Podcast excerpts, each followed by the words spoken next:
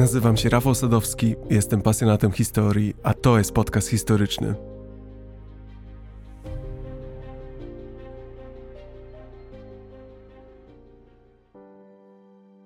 Jest takie miejsce na Ziemi, gdzie zdjęcie gogli ochronnych oznacza, że w ciągu 10 minut oślepniecie. Ludzie nie są stworzeni do funkcjonowania na wysokości przelotowej samolotów. Wasze ciała będą dosłownie umierać, Nikt nie jest odporny na przykład na kaszel wysokogórski. To brzmi niewinnie. Kaszel. Ale na takiej wysokości, gdy oddychacie w zwiększonym tempie zimnym, górskim powietrzem, to wysusza wasze płuca i ta delikatna wyściółka w konsekwencji zaczyna pękać. Ludzie często łamią sobie żebra w wyniku tego górskiego kaszlu. Pomyślcie tylko, kaszleć tak mocno, tak boleśnie, że wasze żebra zaczynają pękać.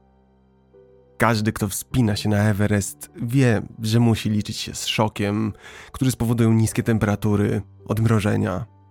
Ale nie wszyscy są gotowi na drugą skrajność, na upał. A na Everestie śnieg i lód działają jak olbrzymi reflektor dla promieni słonecznych.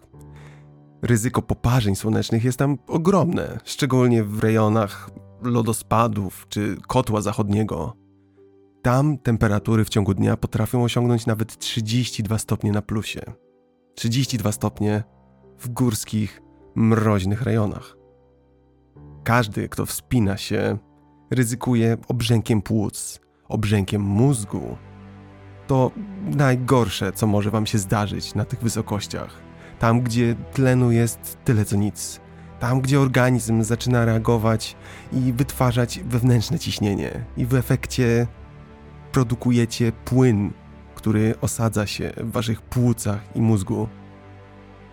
I gdy tak się stanie, zaczniecie mieć różne objawy: od skrajnego zmęczenia, płytkiego oddechu, potem zawroty głowy. Następnie zaczniecie kaszleć krwią.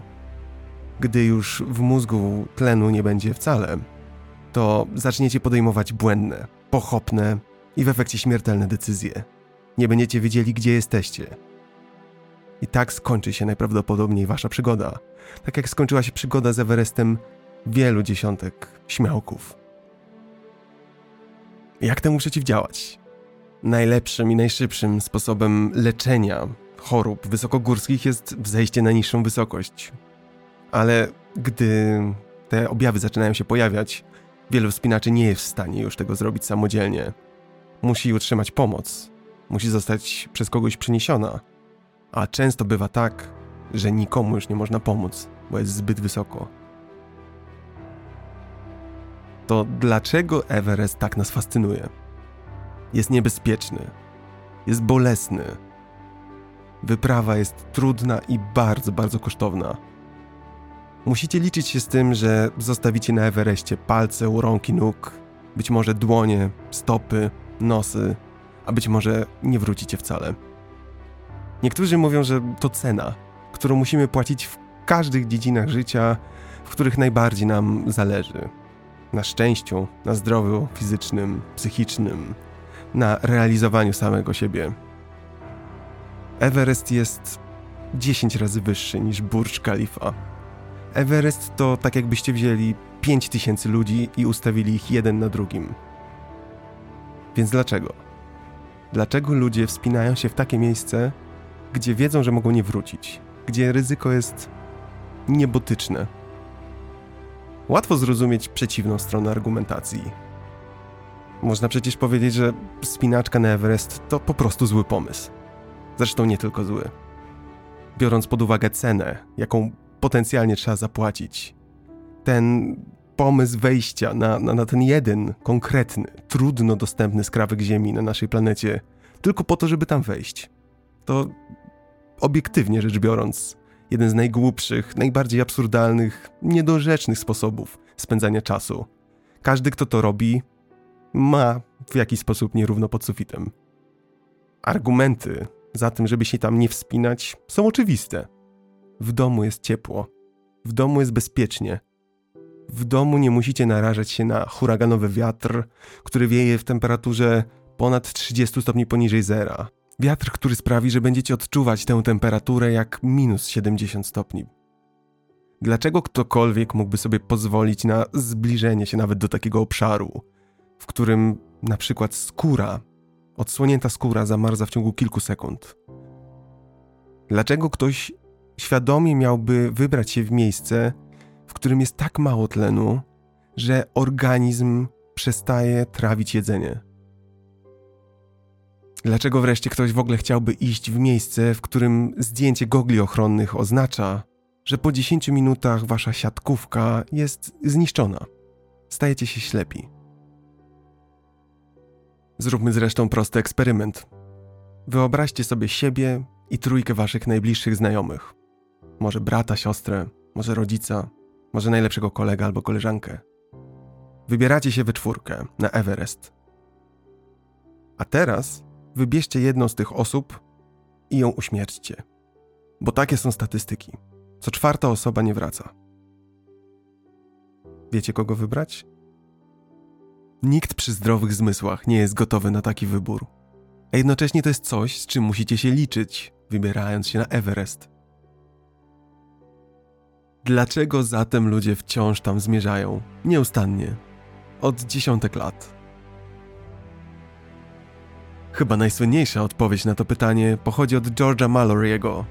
Kiedy zapytano go, dlaczego chce wejść na Everest, powiedział: Bo jest. Po prostu, bo jest. To najsłynniejsze słowa w alpinizmie, a sam Mallory później zginął, próbując zdobyć Everest.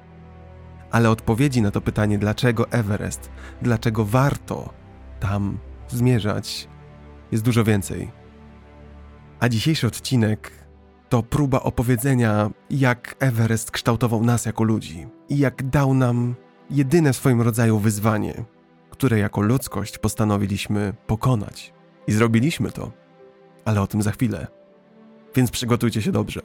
Załóżcie dodatkową parę rękawic, weźcie ostre raki, weźcie butle z tlenem i przygotujcie się, że co czwarta osoba nie wróci. Everest na nas czeka. Zaczynamy. Podcast historyczny to projekt, który tworzę sam jeden i wyłącznie dzięki Waszemu wsparciu. Jestem za nie bardzo, bardzo wdzięczny. Z tego miejsca chciałbym podziękować patronom mecenasom. Michałowi, Rafałowi, Przemkowi, Patrykowi, Alinie, Łukaszowi, Agnieszce, Grzegorzowi, Danielowi, Wojciechowi, Arturowi, Grzegorzowi, Tomaszowi, Dorocie, Łukaszowi, Markowi, Adamowi, Kamili, Pawłowi, Adrianowi, Wiktorowi, Monice Jeremiaszowi, Pawłowi, Karolowi, Ewie, Wojciechowi, Frankowi, Nidalowi, Krzysztofowi, Konradowi, Marcie, Danielowi i Kasi. Ogromne dzięki za Wasze wsparcie. Mam wrażenie, że ostatnio temat Indii i Imperium Brytyjskiego towarzyszy nam w naszych wspólnych historycznych podróżach. Nie powinno to dziwić, bo Imperium Brytyjskie faktycznie zdominowało duży epizod historii. I faktycznie Indie i Nepal i dominacja brytyjska nad tymi terytoriami to temat, który poruszałem ostatnio. Ale nie mówiłem o bardzo ciekawym aspekcie brytyjskiego panowania – Mianowicie Brytyjczycy w pewnym momencie chcieli dowiedzieć się, co tak naprawdę mają. Jak wygląda mapa ich nowego terytorium. A to nie były czasy satelitów. Bo gdyby to były czasy, gdzie można zmapować fotografiami satelitarnymi dane terytorium, to najprawdopodobniej dużo wcześniej wiedzieliby, że mają górę nazywaną Świętą Matką. Górę Chomolungme o wysokości 8844 metrów. To były jednak inne realia i faktycznie od momentu swojego powstania w 1600 roku, aż do zdominowania całego subkontynentu indyjskiego na początku XIX wieku, brytyjska kompania wschodnioindyjska zdobywała coraz większe terytoria i wraz z zdobywaniem tych nowych terytoriów zatrudniała kolejnych odkrywców i kartografów, którzy następnie dostarczali mapy i eksplorowali te terytoria. Na przykład taki James Rennell, który mieszkał w Bengalu. On zaczął sporządzać mapy i zauważył, że brakuje pomiarów nowych brytyjskich ziem. Należało to czym prędzej uzupełnić, dlatego w 1802 roku Brytyjczycy rozpoczęli tak zwane Wielkie Badania Trygonometryczne Indii. Swoją drogą bardzo epicka nazwa na projekt, prawda? Owe wielkie badania trygonometryczne miały ustalić położenie, wysokość i nazwy gór, które Brytyjczycy dostrzegali, że ewidentnie mają w swoim nowym terytorium. Zaczęto więc od południowych Indii. I tam ekipy pomiarowe posuwały się na północ, używali czegoś, co nazywa się teodolitem. To instrument geodezyjny. Każdy taki teodolit ważył 500 kg i wymagał przenoszenia przez 12 mężczyzn. I to owym teodolitem najdokładniej mierzono wysokość z odległości. Teodolit zresztą używany jest do dzisiaj przez geodetów, aczkolwiek w dużo bardziej udoskonalonej formie i dużo lżejszej. Tak czy owak w latach 30. XIX wieku Brytyjczycy dotarli do podnóża Himalajów. I tam to Nepal już nie chciał ich wpuścić dalej do swojego kraju ze względu na podejrzenia co do brytyjskich zamiarów. Trudno zresztą się temu dziwić. Wysyłano wiele próśb do Nepalu. Argumentowano to naukowymi powodami tej wizyty. Wszystkie zostały odrzucone. Brytyjczycy byli zmuszeni zatem do kontynuowania obserwacji regionu na południe od Nepalu, równoległego do Himalajów. A warunki były bardzo trudne. Panowały ulewne deszcze, szalała także malaria. Trzech brytyjskich oficerów zmarło na malarię, a dwóch innych musiało zostać zwolnionych na emeryturę ze względu na zły stan zdrowia. Pomimo tych trudności, w 1847 roku kontynuowano badania i rozpoczęto obserwacje szczytów ze stacji obserwacyjnych oddalonych prawie o 250 km. Pogoda ograniczała pracę do trzech miesięcy w roku. Próbowaliście kiedyś zmierzyć coś na odległość? spróbujcie zmierzyć stół z drugiego końca pokoju. To już jest wyzwanie. A Brytyjczycy próbowali zmierzyć wysokość gór, prawie 9-kilometrowych gór, z odległości prawie 250 km i podczas deszczu. To naprawdę wymagające zadanie. I temu zadaniu podołali, a to, co wkrótce mieli odkryć, budzi respekt do dzisiaj. Poznajcie badacza Andrew Woga, który był brytyjskim inspektorem generalnym Indii i przewodniczył owym obserwacjom. W tamtych czasach, w połowie XIX wieku, góra Kanchenjunga była uważana za najwyższy szczyt świata. Ale Wogue z zainteresowaniem i zdumieniem zauważył, że za Kanchenjungą jest kolejny szczyt w odległości około 230 km. John Armstrong, jeden z pomocników Woga, również widział ten szczyt z miejsca położonego dalej na zachód. Nazwano go roboczo szczytem B. Liczne obserwacje, które zaczęto dokonywać, wykazywały, że szczyt B najwyraźniej jest wyższy niż Kanchenjunga. Ale ze względu na tę ogromną odległość obserwacji, te 250 km dzielących Brytyjczyków od szczytu B, do ostatecznej weryfikacji niezbędne były bliższe obserwacje podejście bliżej do góry. Powoli zaczęto zatem dokonywać kolejnych, bliższych obserwacji. Rok później, na przykład, z odległości 190 km dokonano dwóch obserwacji. Wynik wskazywał, że szczyt B jest wyższy. Następna obserwacja ze wschodu, 30 razy powtórzona z pięciu różnych miejsc, z których najbliższe znajdowało się 170 km od szczytu B. Kolejne potwierdzenie. On jest wyższy niż Kanchenjunga. Rozpoczęto zatem obliczenia na podstawie wszystkich danych zebranych dotychczas. Surowe kalkulacje nie pozostawiały żadnych wątpliwości. Wysokość nowego szczytu wynosi mniej więcej 9200 metrów. 9200? Skąd tak przeszacowana wysokość, zapytacie? To faktycznie była wartość mocno przybliżona. Nie uwzględniała ona na przykład zjawiska odbicia światła, która zniekształca wysokość.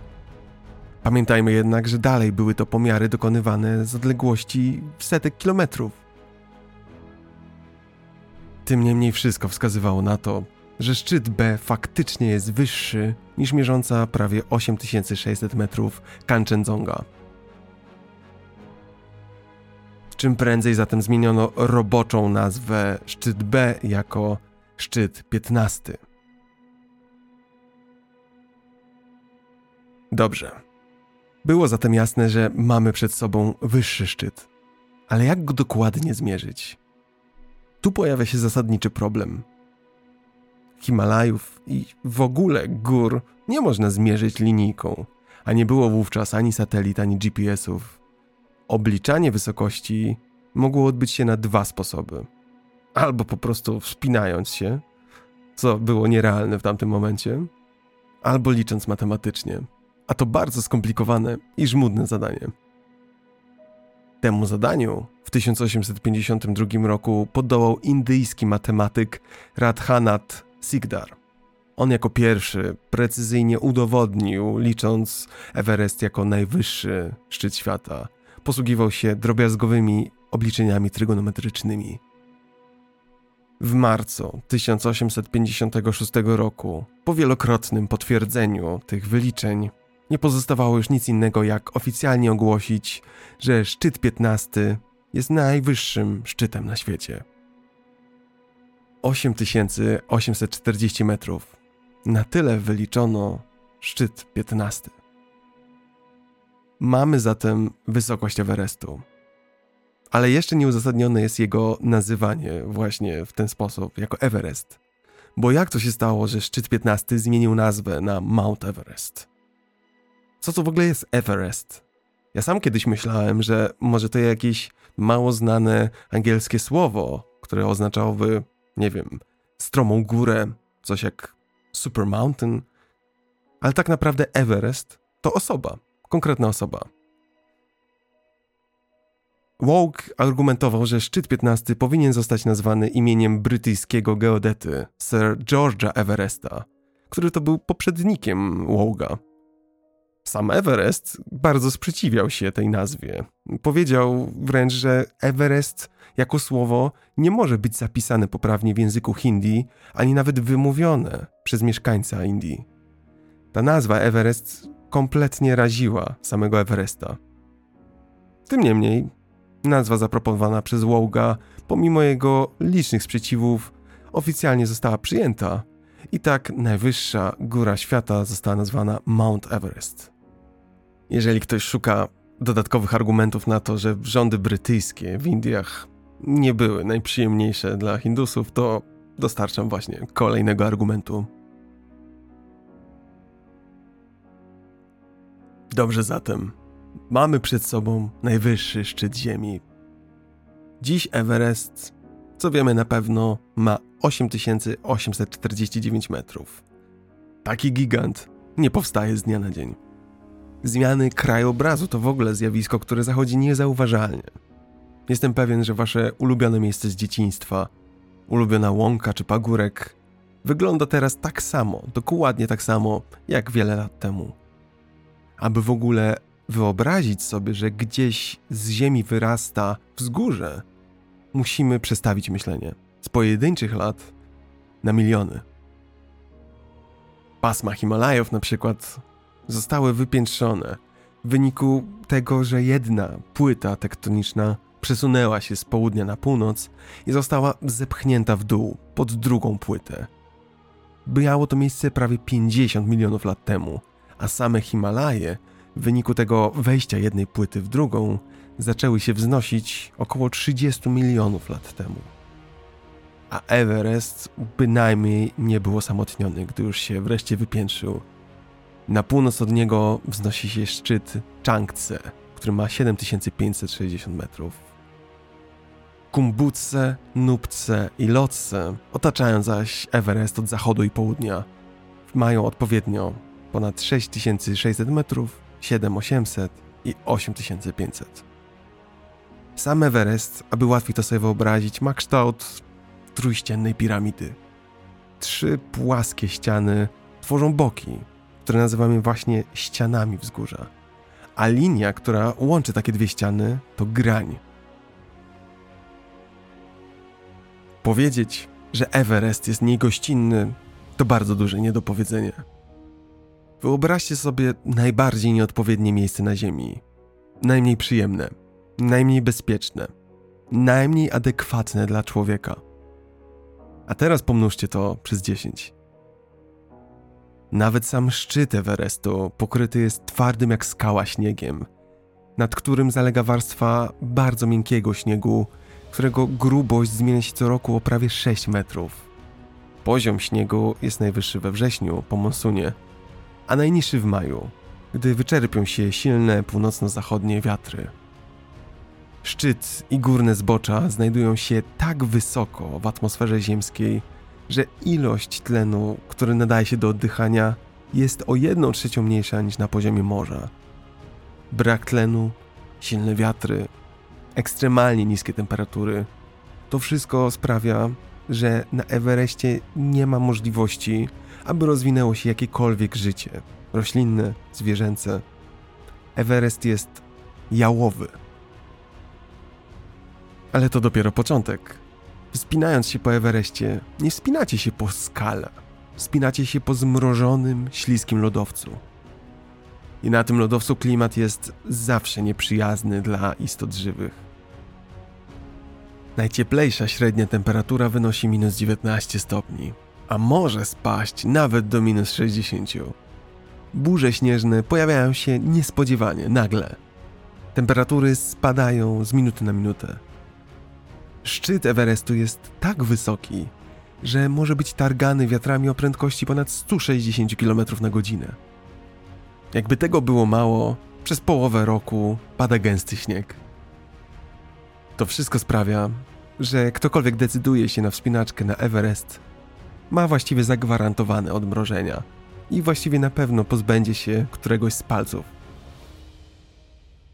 Everest jest tak wysoki, a jego klimat jest tak surowy, że nie jest w stanie zapewnić egzystencji człowiekowi. Dopiero doliny dużo poniżej masywów górskich są zamieszkane przez ludy posługujące się językiem tybetańskim. Wśród tych ludów zaś wyróżniają się szerpowie. Szerpowie, którzy żyją w wioskach położonych na wysokości do 4 km. Ma to miejsce w dolinie Kumbu w Nepalu, a także w innych miejscach. Szerpowie tradycyjnie rolniczy lud o niewielkiej ilości uprawnej, przez lata zajmował się handlem i prowadził półkoczowniczy tryb życia. Poszukiwali pastwisk. Latem wypas zwierząt odbywał się na wysokości prawie 5 km, a zimą schronienie znajdowano na niższych wysokościach, na półkach skalnych i wzdłuż brzegów rzek. Żyjąc wśród najwyższych gór świata, Szerpowie tradycyjnie traktowali Himalaje jak świętość. Budowali o ich podmurza buddyjskie klasztory, umieszczali na zboczach flagi modlitewne, zakładali też sanktuaria dla dzikich zwierząt, które zamieszkiwały doliny, takie jak jelenie piżmowe, bażanty czy kuropatwy himalajskie. Szerpowie głęboko wierzyli, i wierzą zresztą nadal, że bogowie i demony mieszkają w wysokich górach, a śnieżny człowiek, czyli Yeti, grasuje na stokach. Z tych powodów szerpowie zazwyczaj nie wspinali się wysoko. Z respektu, ale też ze strachu. I możemy powiedzieć teraz, że globalizacja dosięgła i szerpów. Począwszy bowiem od początku wieku XX, od eksploracji brytyjskich, okazało się, że nie ma lepszych kandydatów na tragarzy i przewodników niż właśnie szerpowie. Są wytrzymali, znają teren i wiedzą, czego unikać. Ma to miejsce zresztą do dziś. Napływ zagranicznych alpinistów w rejon Everestu radykalnie zmienił styl życia szerpów. Oni teraz w dużym stopniu zależą od turystyki, od wypraw spinaczkowych. Ale choć życie szerpów zmieniło się znacząco, to na przestrzeni lat nie zmieniła się jedna kwestia. Szerpowie dalej uważają, że próba wejścia na Everest to jak próba zwiedzania wnętrza wulkanu. To próba samobójcza. Pomimo ogromnych postępów w dziedzinie sprzętu, transportu, komunikacji, prognozowania pogody, Mount Everest pozostaje niesamowicie trudny do zdobycia. Nawet dotarcie do podnóża Everestu stanowi wyzwanie. Everest leży bowiem w odizolowanym miejscu, w tym regionie nie ma dróg po stronie nepalskiej, a przed latami 60. XX wieku wszystkie towary i zapasy musiały być przenoszone przez ludzi i zwierzęta juczne.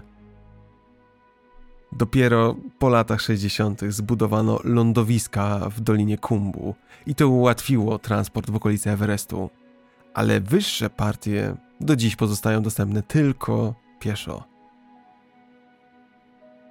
Tak jak nie próbowalibyście bić rekordu w pływaniu podczas sztormu, tak wspinaczka na najwyższy szczyt świata musi odbyć się podczas ściśle określonej pogody.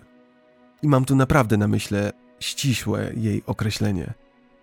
W ciągu całego długiego roku są tylko dwa krótkie okresy, kiedy pogoda na Everestie jest, z braku lepszego słowa, adekwatna do spinaczki, chociaż to duża przesada. Najbardziej, otwieram cudzysłów, adekwatny jest kwiecień i maj, tuż przed monsunem. Po nadejściu monsunu bowiem śnieg jest zbyt miękki, a prawdopodobieństwo zejścia lawiny zbyt duże.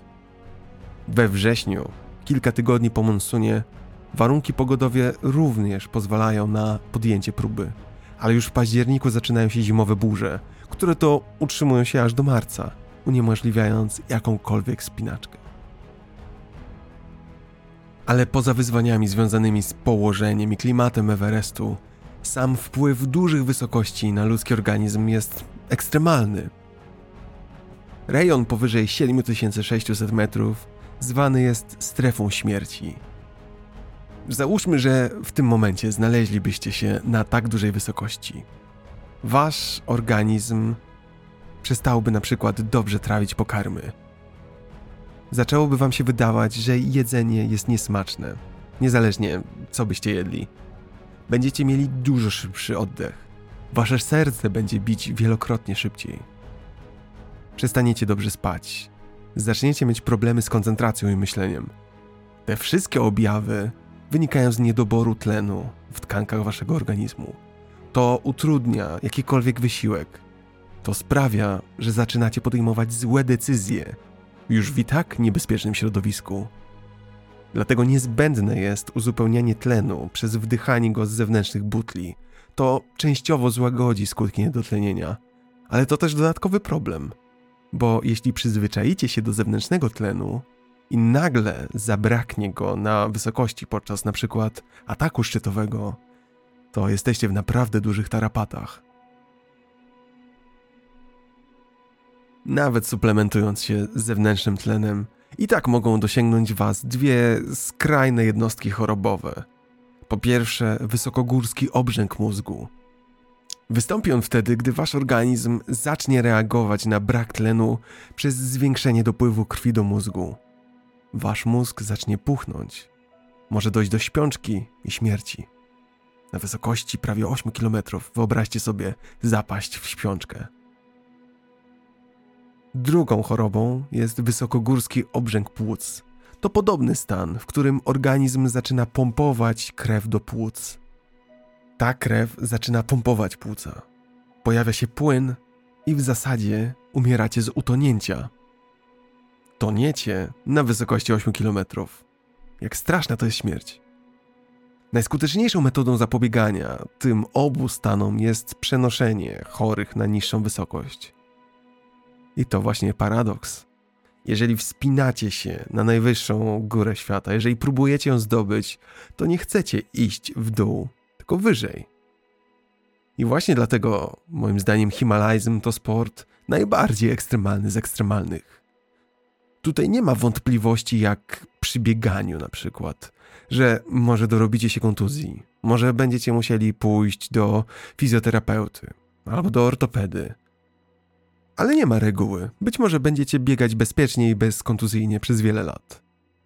Próba wejścia na ośmiotysięcznik zaś to gwarancja uszkodzenia waszego zdrowia.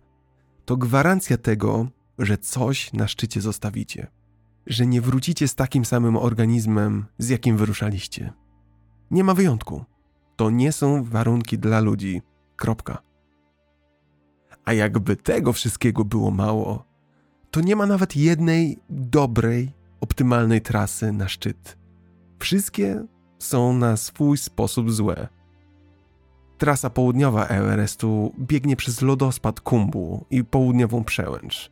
Jest najczęściej wybierana przez spinaczy próbujących zdobyć Everest. Wspinano się także trasą północną, którą w latach 20. i 30. XX wieku próbowano bez powodzenia przez siedem brytyjskich ekspedycji pokonać szczyt Everestu. Wschodnia ściana wreszcie, największa na Everestie, jest najrzadziej odwiedzana. Na Everest nie można wspinać się samemu. Potrzebna jest drużyna i to bardzo liczna drużyna. Potrzebna jest też strategia, jak podejść do tego wyzwania. I być może dlatego, że większość pierwszych wspinaczy na Everest miała wykształcenie wojskowe, to typową w tamtym czasie metodą zdobywania szczytów była tak zwana wspinaczka oblężnicza. W ramach tej techniki duży zespół wspinaczy zakłada po drodze serię obozów namiotowych, coraz dalej i dalej i wyżej. Na przykład na najczęściej pokonywanym szlaku południowym, na lodowcu Kumbu zakładano obóz bazowy na wysokości około 5,5 km. Następnie alpiniści zaczynali się wspinać coraz wyżej, tam zakładali kolejne obozy na trasie, a później schodzili w dół, aby w nocy spać w obozie położonym niżej od tego, który właśnie tak pracowicie zakładają. Ta taktyka nazywa się wspinaj się wysoko, śpij nisko. Taka praktyka pozwala wspinaczom zaaklimatyzować się do dużej wysokości, a jednocześnie tworzyć coś w rodzaju drabiny wysokogórskiej. Kolejny obóz to kolejny szczebel drabiny, w teorii aż do szczytu. Kolejne obozy są zakładane mniej więcej co 450 metrów bezwzględnej wysokości i są oznaczane jako kolejne obozy. Obóz pierwszy, obóz drugi. Wreszcie Ostatni obóz zakłada się na tyle blisko szczytu, czyli około 900 metrów, aby umożliwić małej grupie, zwanej zespołem szturmowym, zdobycie szczytu. W ten sposób Brytyjczycy organizowali swoje wyprawy. W takim oblężniczym stylu wspinaczki niezbędne wręcz było wsparcie logistyczne, w tym przypadku udzielane przez szerpów. Jakkolwiek Everest nie był przerażający i niegościnny, to z chwilą, gdy okazało się, że jest najwyższy, rozpoczął się niechybny wyścig, kto pierwszy postawi stopę na jego szczycie. Bo nikt przecież nie zakładał, że to się w końcu nie stanie. Taka już jest nasza ludzka natura. Lubimy wyzwania, lubimy coś, co inni uważają za niemożliwe. A czy jest to wyścig, kto pierwszy opłynie świat, jak Magellan, czy kto pierwszy postawi stopę na księżycu, ma znaczenie drugorzędne. Liczy się wyzwanie, i liczy się to, aby jemu sprostać. I już w 1890 roku oficerowie armii brytyjskiej zaczęli spotykać się i dyskutować, jak zorganizować wyprawy na Everest. Dwie kluczowe brytyjskie organizacje eksploracyjne, Królewskie Towarzystwo Geograficzne i Klub Alpejski, zaczęły mocno promować ideę, aby to Brytyjczycy zdobyli Everest. Everest, który zresztą nazywał się na cześć jednego z Brytyjczyków. Pomimo wielu politycznych trudności, w 1921 roku pierwszy sukces. Wyruszyła pierwsza brytyjska wyprawa. Grupą dowodził podpułkownik Howard Bury, a w jej skład chodził m.in. George Mallory. Oto jak wyglądały losy tej wyprawy i jak ekstremalnie trudne okazało się to być zadanie. Lato 1921 roku pozwoliło na dokładne zbadanie podejścia do góry. Ten, nazwijmy to, rekonesans okazał się tak niespodziewanie trudnym zadaniem, tak nadludzkim niemal, że podczas samego podejścia pod Everest, nie jego zdobywania, podejścia pod Everest, jeden z uczestników wyprawy zmarł na atak serca. Drugi z nich, niejaki Rayburn, również zachorował, a eksploracja szczytu spoczęła całkowicie na Malorym i Bullocku. Żaden z nich nie miał doświadczenia himalajskiego, więc oprócz trudności z terenem musieli mierzyć się także z aklimatyzacją, którą przechodzili pierwszy raz w życiu. Pierwszym celem wyprawy było zbadanie doliny Rongbuk. Grupa zeszła na lodowiec Rongbuk. Następnie odkryto przełęcz na wysokości 6700 metrów. Później udano się na przełęcz na północ od Everestu, pomimo jej bardzo groźnego wyglądu i nazwano ją przełęczą północną. Silny wiatr uniemożliwił wejście wyżej, ale Malory wizualnie wytyczył dalszą potencjalną drogę na sam szczyt. Wycieczka powróciła do Wielkiej Brytanii i próba zakończyła się. Rok później zaś, w 1922 roku, kolejne podejście. Postanowiono wówczas, że Everest musi zostać zdobyty przed nadejściem monsunu letniego. Dlatego wiosną bagaże zostały wniesione przez szerpów na wysoki, wieczny płaskowyż tybetański. Rozpoczęto przenoszenie wyposażenia z obozu bazowego z wysokości 5 km aż do obozu trzeciego. Z wielkim trudem założono kolejny obóz na wysokości 7600 metrów.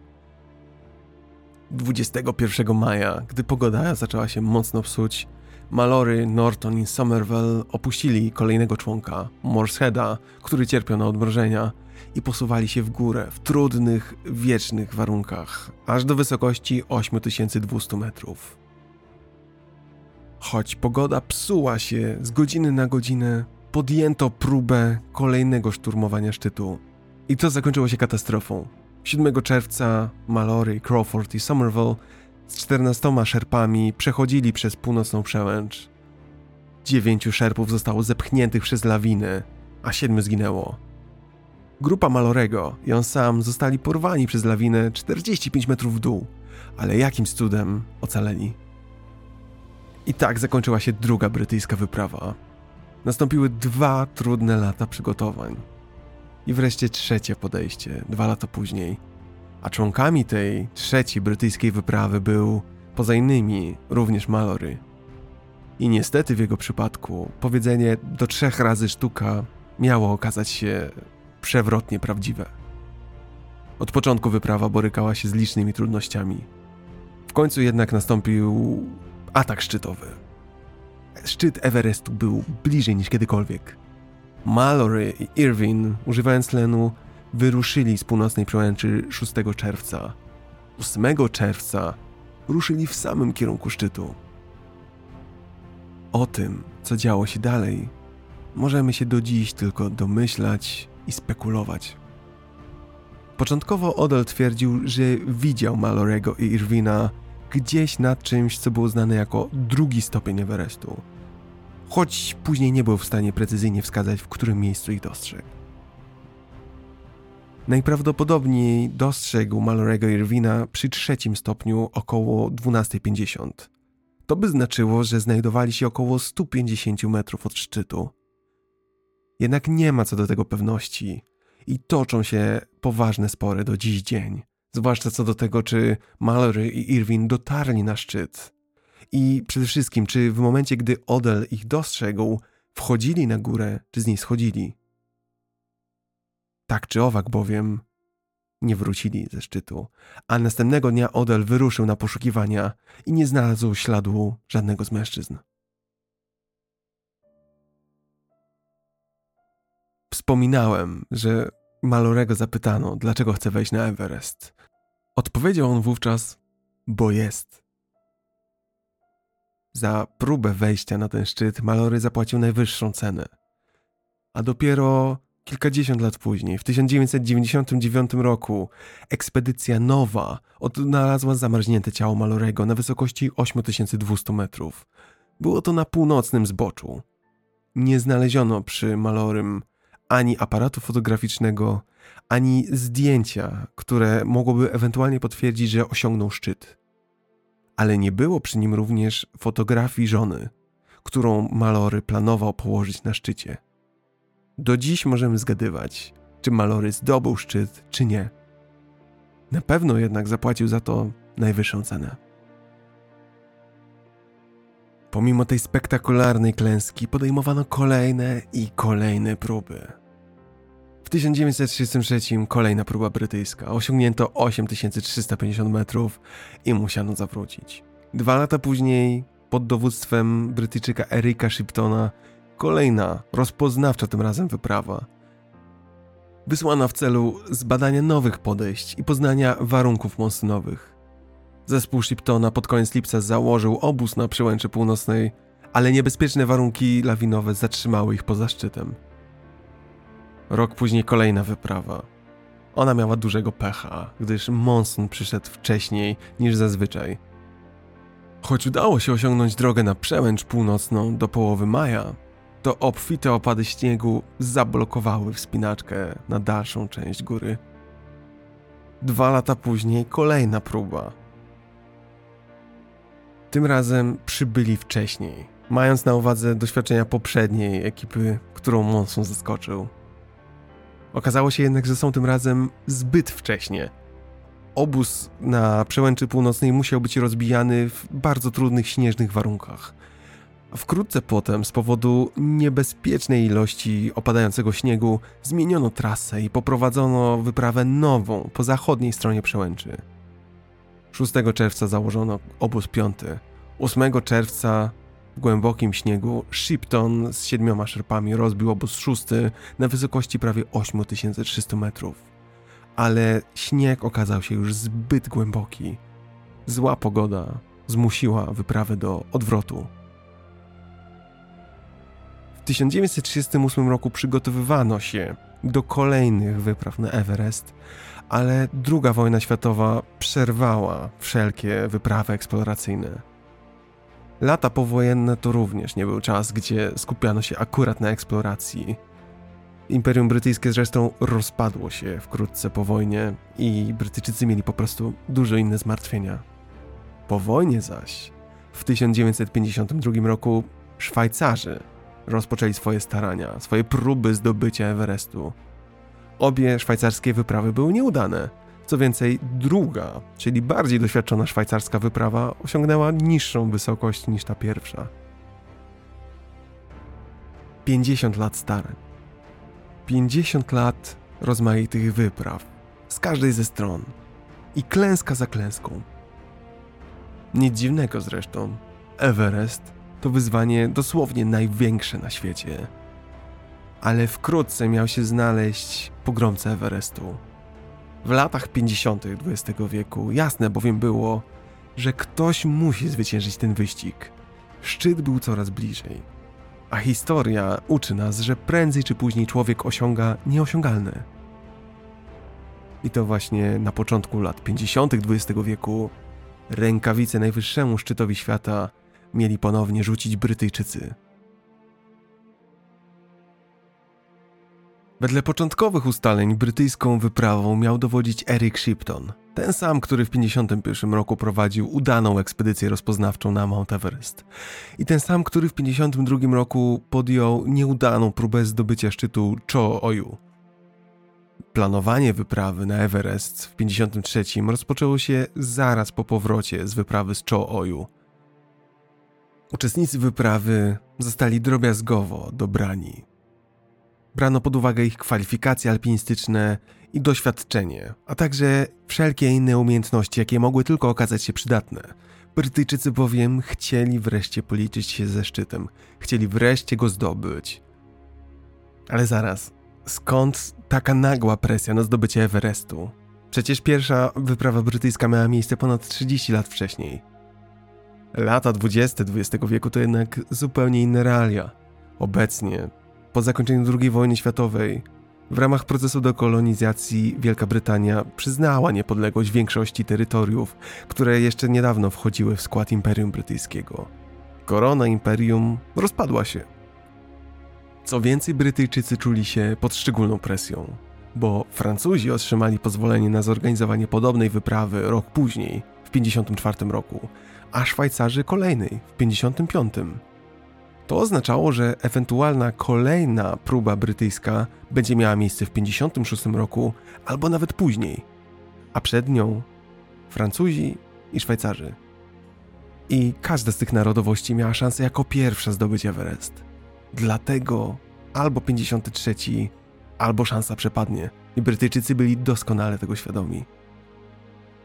I wówczas nastąpiła zmiana na stanowisku dowódcy wyprawy Choć spodziewano się, że przewodniczyć wyprawy będzie Eric Shipton, ten, który kierował wyprawą rozpoznawczą na Everest i nieudaną wyprawą na Cho-Oyu, to zmieniono jego kandydaturę na Johna Hunta, pułkownika armii brytyjskiej, który zresztą był bardzo zaskoczony, że został zaproszony do objęcia dowództwa nad wyprawą.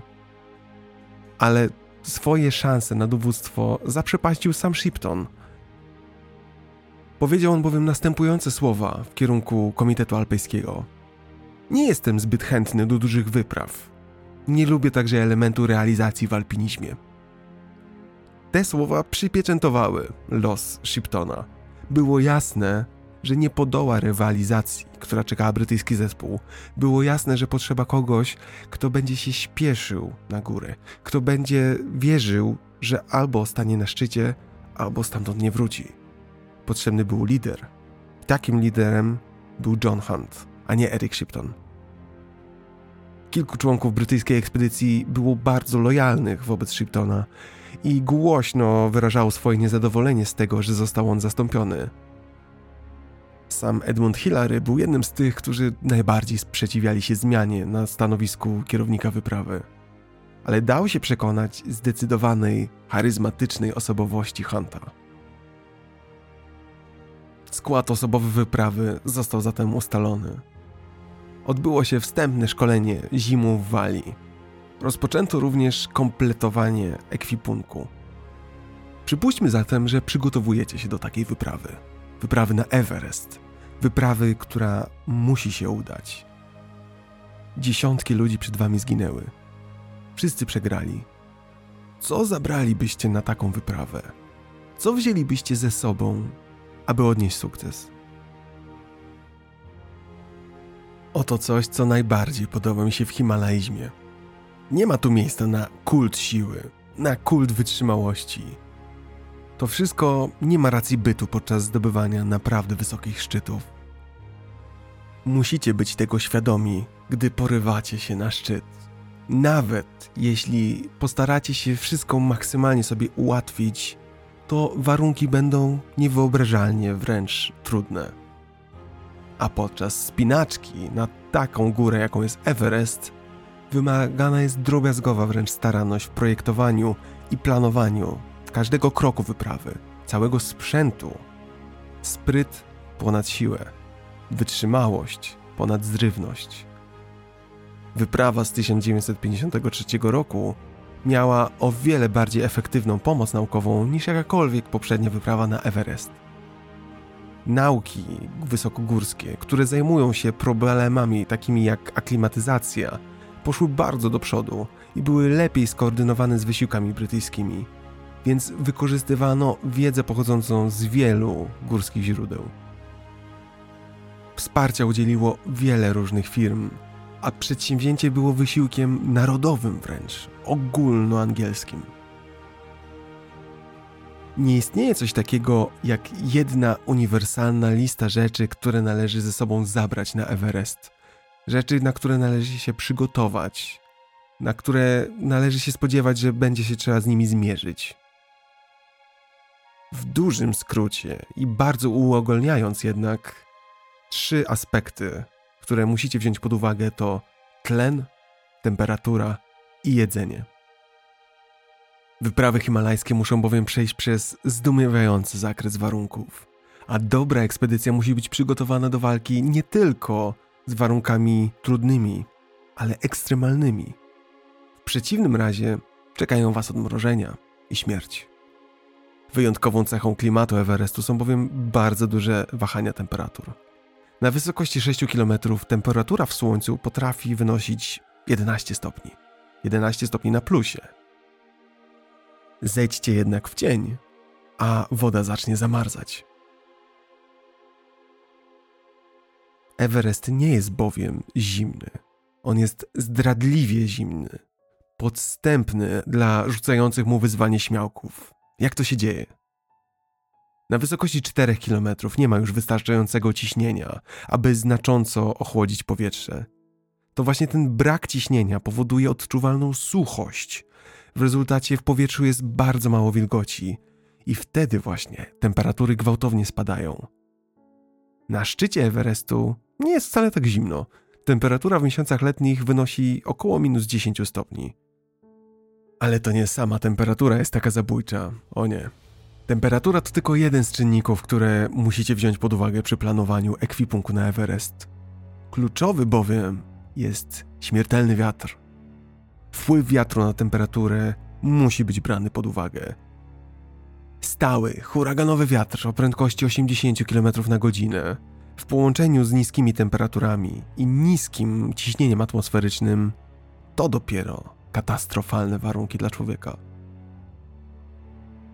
A tak duże różnice w warunkach, tak duże różnice w produkcji ciepła przez organizm wymagają odzieży, która musi być bardzo elastyczna pogodowo.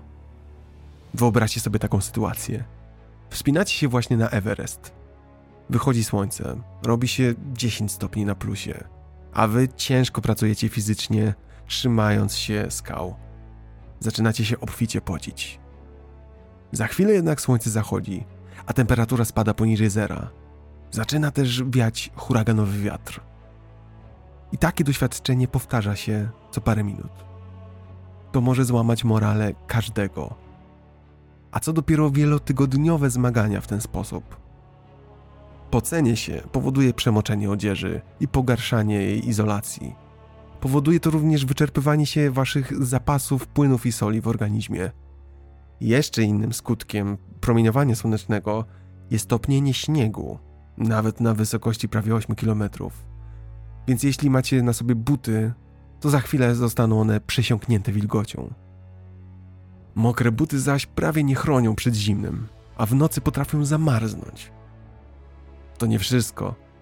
Powyżej 6000 metrów waga, to co niesiecie, staje się niezwykle ważna, a sukces albo porażka wyprawy zależą od tego, czy uda Wam się wziąć ze sobą wystarczającą ilość sprzętu, aby zaopatrzyć kolejne obozy w artykuły pierwszej potrzeby. Doświadczenie wszystkich dowódców wypraw było jednoznaczne. Jeżeli sprzęt okazywał się zbyt ciężki, to alpiniści zaczynali go zostawiać, porzucać, a to bezpośrednio zagrażało ich bezpieczeństwu. Oto na jakie elementy odzieży moglibyście liczyć, gdybyście brali udział w wyprawie w 1953 roku. Ubrania, buty i rękawice zazwyczaj ważyły około 10 kg. W przypadku wyprawy na Everest udało się zredukować tę wagę do 7,5 kg. Zewnętrzna, wiatroszczelna bluza i spodnie były wykonane z tkaniny bawełniano-nylonowej, takiej samej, z której wykonano namioty. Główną funkcją tej odzieży była ochrona przed chłodem powodowanym wiatrem. Szczególną uwagę zwrócono na dopasowanie odzieży. Jasne bowiem było, że ciasna odzież krępuje ruchy i psuje izolację termiczną. Zbyt luźna jednak zaczyna stawiać opór na wietrze. Ochronę przed zimnem zapewniały też kurtki i spodnie puchowe. Odzież puchowa jest znacznie lżejsza niż inne rodzaje odzieży ochronnej, ale ma jedną wadę. Puch traci swoje właściwości izolacyjne, gdy jest ściśnięty. Na przykład, gdy siądziecie w spodniach puchowych, to będzie wam zimno w nogi. Oprócz tych puchowych kombizonów zabierano zatem spodnie przypominające piżamę, kamizelki sznurkowe i wiele swetrów. Wszystko po to, aby zabezpieczyć się od chłodu. Opracowano specjalne buty do użytku tylko powyżej 6000 metrów. W tej strefie wymagana była już lekkość, odporność na przemoczenie i zagwarantowanie ciepła. Jest takie ciekawe porównanie, że jeżeli chodzi o wydatek energetyczny, czyli ile kalorii palicie podczas wysiłku, to każde dodatkowe pół kilograma noszone na stopach odpowiada 2 kg noszonym na plecach. Jasne jest zatem, że redukcja wagi obuwia to wymierny i łatwy zysk. Jeżeli chodzi o namioty, zdecydowano się na dwuosobowe namioty Mead. Każdy z nich miał słupki w kształcie litery A i pozwalało to na bardzo szybkie ich rozkładanie, nawet przy silnym wietrze. Taki namiot był o wiele za gorący w ciągu dnia jak na warunki himalajskie, więc przewidziano dodatkową wentylację, drugie wejście na drugim końcu. Te oba zamykane rękawy były najlepszym sposobem na ochronę przed śniegiem w czasie burzy śnieżnej i na wentylację w upały. Ostatnim elementem wyposażenia były śpiwory i maty dmuchane.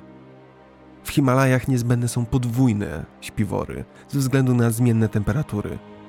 Potrzeba było około 5 kg puchu, aby zapewnić jednej osobie wystarczającą izolację w śpiworze.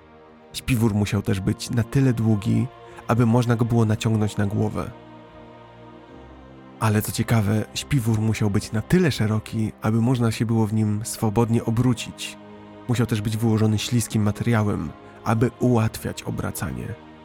Na dużych wysokościach bowiem, przy znikomej ilości tlenu w powietrzu, nawet obracanie się podczas snu jest dużym wysiłkiem i może spowodować zadyszkę.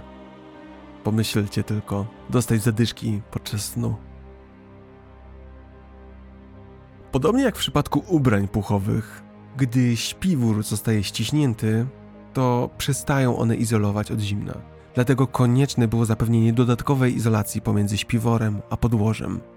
Używano do tego nadmuchiwanych mat. Ale dość już o wyposażeniu. Pora zastanowić się, jak zasilić nasz organizm podczas wielotygodniowych zmagań. Znacie to uczucie, gdy po całym dniu kopania w ogrodzie jesteście naprawdę bardzo, ale to bardzo głodni. A przecież to nie jest jakiś ogromny tak naprawdę wysiłek fizyczny. Organizm jednak jest nieubłagany. Domaga się paliwa, kalorii.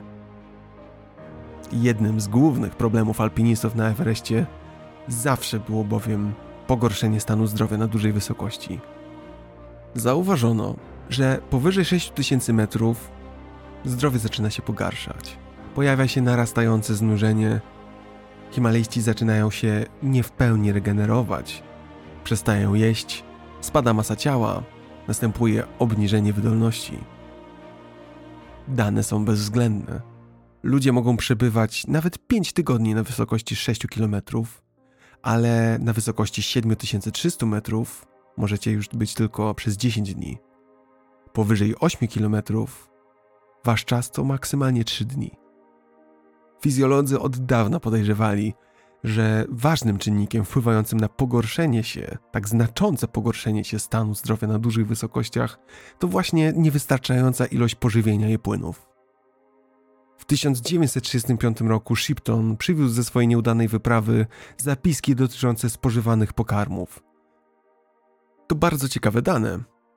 Cytuję: Powyżej 5000 km spożycie kalorii to 2000, powyżej 6500 metrów 1500.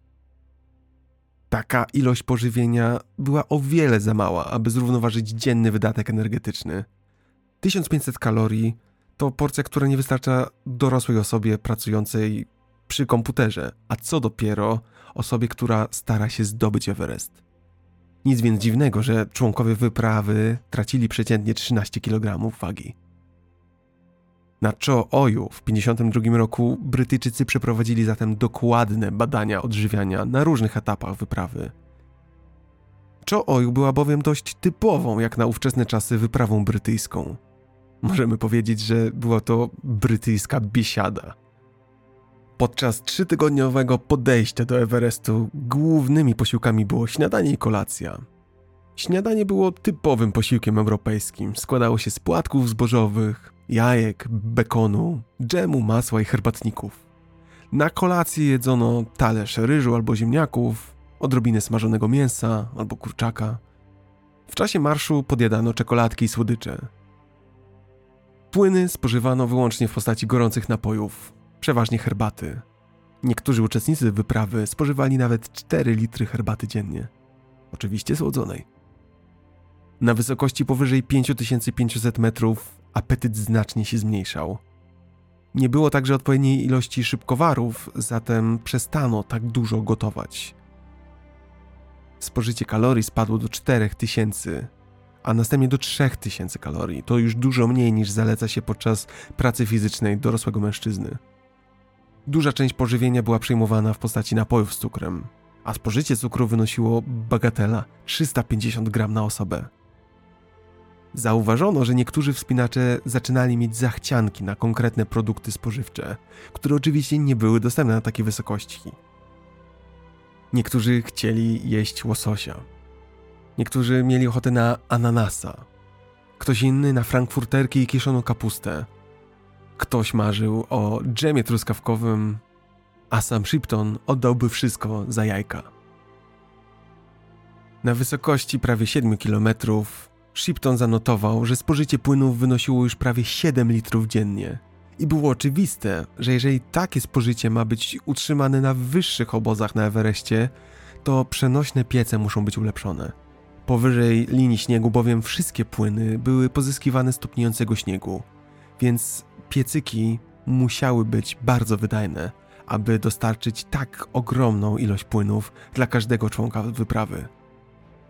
Jakie zatem wyciągnięto wnioski? Po pierwsze, było oczywiste, że niezbędne są ogromne ilości cukru i należało ponadto zrobić coś, aby zaspokoić zachcianki żywieniowe alpinistów, tak aby podnieść morale. Doświadczenie pokazało niezbicie, że ludzie zmęczeni i wyczerpani, jeśli nie czują się dobrze, to wolą nic nie jeść niż znosić jedzenie, którego nie lubią. Jeżeli zaś człowiek nie je, to jego stan szybko się pogarsza, niezależnie od dodatkowego wpływu wysokości. Przygotowując się zatem na wyprawę w 1953 roku, John Hunt postanowił zerwać, nazwijmy to z biesiadną tradycją, i zabrać ze sobą prawie całe pożywienie w postaci przygotowanych porcji żywnościowych, tak zwanych racji. Taka racja żywnościowa oznaczała, że kompletne menu na każdy dzień było zapakowane w jedno pudełko, także alpinista otwierał pudełko i miał wszystko, czego mu było potrzebne na dany dzień. Zaletą tego systemu było to, że można mieć europejskie jedzenie przygotowane i posortowane, a dystrybucja i logistyka jest dużo bardziej uproszczona niż niesienie półproduktów na szczyt. Unikało się ponadto niedoborów spowodowanych przykład utraceniem części produktów, dużo mniejsze też było ryzyko, że żywność się popsuje. Do użytku na wysokościach powyżej 6,5 km zaś, czyli tam, gdzie oszczędność wagi ma nadrzędne znaczenie, opracowano dodatkową, specjalną rację, ta racja była nazywana racją szturmową. Co zawierały te racje? Ta ogólna, obozowa, miała posiłki na każdy dzień i na cały dzień. W środku oznaczona była na przykład jako poniedziałek, wtorek, środa. Zazwyczaj było tam pięć rodzajów mięsa albo ryb, cztery rodzaje warzyw, owoce, ciasto, jakiś dżem, trochę masła, czekolada i inne tego typu produkty. Artykuły miękkie, takie jak cukier, herbata, mleko w proszku, były zapakowane oddzielnie. Racja szturmowa zaś składała się z bardzo podstawowych artykułów, takich jak cukier, mleko w proszku, herbatniki, cukierki, lemoniada w proszku. Sami widzicie, czysta energia. Wszystko to, co jest niezbędne, aby zaatakować szczyt węglowodany. Plastikowe torebki, w których zamykano owe racje, były zamykane próżniowo. To znacznie zmniejszało ich objętość. Teraz bardzo ciekawa rzecz. Aby wzmocnić morale, aby dać ten niezbędny zastrzyk energii dla osób, które atakują szczyt, każdy uczestnik został poproszony, aby wybrał jeden ulubiony produkt żywnościowy. Ten produkt został następnie zapakowany jako tak zwana specjalna racja do otworzenia przed samym atakiem na szczyt. Niektórzy wybierali sardynki, ktoś inny owoce w puszkach, jeszcze inni specjalny rodzaj czekolady. Wyobraźcie sobie tylko być na wysokości 8 km. Finalny atak przed wami. Jesteście krańcowo zmęczeni po wielu tygodniach zmagań. I wtedy otwieracie coś, co wygląda jak przesyłka prosto z domu. Ulubione jedzenie, które kojarzy się z ciepłem i bezpieczeństwem. Genialne w swojej prostocie i zapewniające sukces, o czym później. Najpopularniejszym napojem podczas zdobywania szczytów była lemoniada. Wyprawę z 53 roku nazwano nawet wyprawą lemoniadową – co więcej, ta lemoniada była niesamowicie wręcz słodka, był to praktycznie ulepek. Ludzie na dużych wysokościach nie odczuwają bowiem słodyczy tak jak na poziomie morza, dlatego do każdego kubka lemoniady potrafiono dodać nawet 100 gram cukru. A teraz weźcie głęboki oddech. Wdech i wydech. To, co teraz czujecie, to dokładnie to, czego brakuje na Everestie mowa o tlenie. Jeszcze w 1922 roku, gdy podejmowano pierwsze próby zdobywania Everestu, lekarze uważali, że 7600 metrów to górna granica, powyżej której człowiek może w ogóle wspinać się o własnych siłach. Późniejsze doświadczenia pokazały, jak bardzo byli w błędzie. Niemniej jednak na szczycie Everestu ciśnienie i gęstość powietrza, którego jedną piątą stanowi przecież tlen, są zmniejszone do jednej trzeciej tego, co na poziomie morza. A niskie ciśnienie tlenu upośledza funkcjonowanie mózgu. A to z kolei to główne zagrożenie dla każdego, kto podejmuje się wspinaczki. Bo z braku tlenu zaczynacie czuć się tak, jakbyście byli pijani. Pojawia się nadmierna pewność siebie.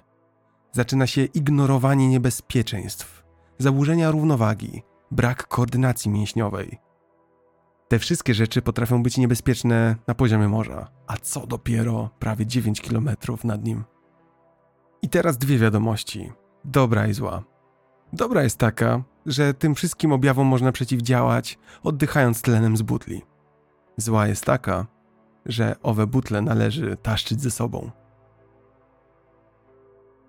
Żeby zaś w ogóle skorzystać z butli tlenowej, należy dodatkowo mieć maskę tlenową.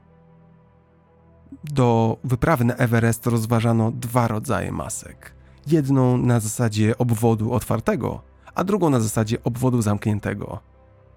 W takim aparacie tlenowym z obiegiem otwartym użytkownik wdycha mieszaninę powietrza i tlenu, a następnie wydycha powietrze wprost do atmosfery. To sprawia, że niewielka część tlenu wprowadzonego do płuc jest wykorzystywana przez organizm. 90% jest wydychana i marnowana. Taka maska jest jednak bardzo prosta w obsłudze i niezawodna. Sami przyznacie, to nie jest zbyt skomplikowane. To tak naprawdę rurka z tlenem, pobierająca tlen z butli i podająca go wprost do ust. Aparatura z obiegiem zamkniętym to już znacznie bardziej skomplikowana rzecz i ma bardzo wiele praktycznych wad. Fundamentalną zaletą jednak jest to, że w takim aparacie z obiegiem zamkniętym nie ma łączności z atmosferą. Tlen jest wdychany i wydychany raz po raz, a dwutlenek węgla wydzielany przez płuca podczas oddychania jest pochłaniany przez wapno sodowane. Dzięki temu możecie dużo lepiej natlenić organizm. Możecie dużo lepiej odetchnąć, pełną piersią wręcz. Którą maskę wybralibyście na wyprawę na Everest? W 1953 roku zdecydowano się na drogę środka. Większość wyposażenia stanowiły maski z układem otwartym, ale na próbę wzięto kilka zestawów z obwodem zamkniętym. Dobrze zatem, mamy jedzenie, sprzęt i całe wyposażenie. Mamy także załogę. To więc już wszystko. Nie pozostaje nam nic innego, jak wyruszyć na Everest. I nie wiem jak wy, ale ja już naprawdę nie mogę się doczekać, aby zacząć się wspinać. 12 lutego 1953 roku wyprawa wyruszyła do Nepalu. W Katmandu opiekę nad grupą sprawował brytyjski ambasador Summer Hayes, który załatwił pokoje u pracowników ambasady.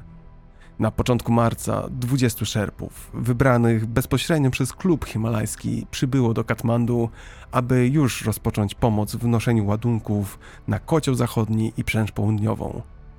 Tej grupie szerpów przewodził Tenzing Norgay. Zapamiętajcie proszę to imię.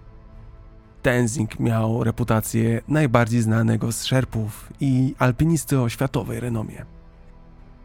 Pozwólcie teraz, że zacytuję zapis dziennika Charlesa Williego, sekretarza wyprawy. Napisał on: Naszą mocną stroną był szczegółowy plan, z którego logicznie wynikało wszystko, co było związane z wyprawą. Od liczby namiotów potrzebnych na przełęczy południowej, po ostateczny termin wysyłania butli z tlenem. Najważniejsze punkty planu były następujące. Grupa wspinaczkowa powinna składać się z 10 wspinaczy i lekarza. Przed rozpoczęciem wspinaczki należy przeprowadzić gruntowną aklimatyzację. Celem aklimatyzacji powinno być przygotowywanie wszystkich członków do życia bez pogarszania się stanu zdrowia na wysokości 6400 metrów. Na wysokości 6500 metrów na szczycie kotła zachodniego należy założyć bazę zaawansowaną, z której to zostanie zorganizowany i rozpoczęty szturm. W dalszej części dziennika Charles Willy pisze: Powyżej bazy zaawansowanej wszystko będzie podporządkowane temu, co niezbędne, aby każdy członek wyprawy miał wykonać zadanie mu przydzielone w czasie szturmu. Na przykład wspinacze szczytowi mają bezpośrednio atakować szczyt, a nie zapuszczać się na eksplorację. Na przełęcz południową powinna być wyniesiona odpowiednia ilość zapasów, aby zapewnić partiom szczytowym dobre wsparcie tak wysoko, jak to tylko możliwe. Obóz szczytowy wreszcie powinien być położony tak blisko szczytu na wysokości, jak to tylko możliwe. Najlepiej, jeśli będzie to 8500 metrów. Na koniec Willy pisze: Uznać należy, że szanse na sukces znacznie wzrosną, jeżeli tlen będzie używany dokładnie i z przekonaniem. Sami widzicie, że nie było miejsca na żadną improwizację. Wyprawa była zaplanowana drobiazgowo, co do godziny. Bagaże wyprawy dotarły kolejką linową i zostały przetransportowane przez saperów armii indyjskiej na wschodni kraniec doliny. Tam zwerbowano zaś 350 tragarzy, tak zwanych kulisów. Tak duża armia w istocie nie była poręczna na górskich szlakach, więc podzielono ją na dwie grupy. Wyobraźcie sobie zresztą taką wycieczkę na 350 osób, każdy zaś uczestnik niosący wielki plecak. To duża sztuka dowodzić tak wielką grupą. Gotowi zatem? Wyruszmy powoli w kierunku szczytu. 10 marca, gdy robiono jeszcze ostatnie pamiątkowe zdjęcia, długie kolejki tragarzy zaczęły przemierzać wąskie uliczki miasta Bagdaon w pierwszym etapie 17-dniowej podróży do Tiang Boche. Następnego dnia wspinaczka na wysokość 1200 metrów doprowadziła grupę do wspaniałego obozowiska na otwartej, trawiastej grani. Cała grupa szła tą granią rano po burzy. Deszcz oczyścił powietrze w całym Nepalu. Cały łańcuch Himalajów, od grupy Everestu, był widoczny z zadziwiającą, oślepiającą wręcz wyrazistością. Tej nocy rozbito obóz w Risingo, skludnej i kwitnącej wiosce. Wnętrze buddyjskiej świątyni, tzw. Tak gąpy, zostało właśnie pięknie odmalowane w alegoryczne wzory o wielkiej misterności. Malarz został specjalnie sprowadzony do tego celu, a praca zajęła mu ponad rok. Z Risingo rozpoczęła się wspinaczka na szerokie zbocza wzgórz, z których roztaczał się wspaniały widok na Melungtse. Całe szczęście, że grupa podróżowała przed nadejściem mgieł z równin. Druga grupa, bo przypominam, że tragarze podzielili się na dwie, grupa, która szła dwa tygodnie wcześniej, nie miała już takich widoków. Od tej pory dni wyglądały mniej więcej podobnie. O samym świcie wyruszano z obozu i marszowano około 3 godziny w tych najlepszych godzinach każdego dnia. Następnie zatrzymywano się nad rzeką, dokonywano kąpieli, a kucharz przygotowywał duże śniadanie. I dalej następował kolejny marsz. A marsze były łatwe, ponieważ tragarze nie pokonywali więcej niż około 15 km dziennie. To zaś pozwalało na to, by w pełni cieszyć się urokami himalajskiej podróży. Charles Willy wspominał, że wzgórza były pokryte szkarłatnymi rododendronami i białymi magnoliami. Drzewa owocowe były w pełnym rozkwicie. Pogoda była piękna, acz chłodna, a obozy położone w zjawiskowych miejscach. Wkrótce wyprawa znalazła się już w kraju szerpów, a widoki stawały się jeszcze bardziej zapierające dech w piersiach. Szerpowie zaś wydawali się cieszyć z wycieczki tak samo jak jej uczestnicy – Ponadto bardzo dobrze im płacono. Długi marsz wykorzystywano również na przyzwyczajanie się do noszenia ciężkich ładunków i eksperymentowano z maskami tlenowymi. Szybko przekonano się, że konstruktor masek John Coates wykonał kawał dobrej roboty. Można było biec pod górę z pełną prędkością, można było spać całą noc z maską na twarzy i nie czuło się żadnych ograniczeń w oddychaniu. Po 13 dniach wędrówki skręcono w stronę Kombu, do domu szerpów. Każdy dzień marszu przybliżał do coraz większego piękna. Zbocza zaczęły wznosić się na wysokość 1500 metrów nad wąwozem. Białe wierzchołki sześciotysięczników zaczęły pojawiać się wokół grupy, zamiast błyszczeć daleko na północy. 26 marca 53 roku wyprawa dotarła do Tiang Boche. Tam spłacono tragarzy. Spisali się bardzo dobrze nie sprawiali żadnych kłopotów i dostarczyli w nienaruszonym stanie i bez żadnych strat setki kilogramów ładunków. Teraz nastąpiło kilka dni odpoczynku. Przed grupą, w pełnym świetle, jakieś 20 km dalej leżał cel szczyt Everestu. Jak napisał Michael Westmacott, Masywne ramię wzniesione ponad ogromną południową ścianą Nupce. Sekretarz wyprawy Charles Willy bardzo barwnie opisywał krajobrazy, które dostrzegał. Na przykład w tamtym momencie pisał: Po prawej stronie samotnie wznosi się Amadablam, fantastyczna pochylona wieża z prawie pionowymi przepaściami, która wygląda na tak niedostępną, jak tylko może być każda góra. Wczesne poranne słońce prześwituje przez cienkie, piękne lodowe szczyty. Po drugiej stronie doliny znajdują się skaliste iglice i kolejne śnieżne szczyty, a jakby tego było mało, wioska Tiangboche stała się dzięki nauczaniu Buddy rezerwatem zwierząt. Bażanty, kurczaki i koguty, a także jelenie piżmowe można zobaczyć bardzo blisko naszych namiotów. Faktycznie lamowie byli bardzo gościnni. Szerpowie zostali specjalnie pobłogosławieni, a uczestnicy wyprawy zostali poczęstowani herbatą, podczas gdy pełniący obowiązki opata opowiedział im, jak to dwie zimy wcześniej nawiedził ich Yeti. Patrząc przez okno, wskazywał miejsca, w których widziano Yeti, który szukał karczowysk w ziemi i gdzie siedział opalając się na skałach. Po bardzo przyjemnych trzech dniach, na początku kwietnia 1953 roku, wreszcie wyruszono w trzech grupach na pierwszy okres aklimatyzacji. Nadchodził bowiem moment, aby założyć obóz bazowy. I to stamtąd rozpocząć już właściwe ataki coraz wyżej i wyżej. Aby to jednak zrobić, należało pokonać pierwszą, bardzo ważną przeszkodę – lodowiec Kumbu i znajdujący się na nim lodospad. Dlaczego to jeden z najtrudniejszych etapów wędrówki? Lodospad Kumbu jest uważany za jeden z najbardziej niebezpiecznych etapów trasy przełęczą południową na szczyt Everestu. Słowo lodospad tak naprawdę nie oddaje sprawiedliwości temu miejscu. To nie jest jakiś mały lodowiec czy krótka przestrzeń, niebezpieczna, ale łatwa do pokonania. Lodospad Kumbu to tak naprawdę gigantyczne pole lodu. Przysuwa się codziennie o około metr w dół zbocza Everestu. Szybkość przepływu lodu i gwałtowny spadek wysokości tworzą ramię lodowe, które charakteryzuje się masywnymi poprzecznymi blokami, które to odrywają się od górnego lodowca i tworzą szczeliny.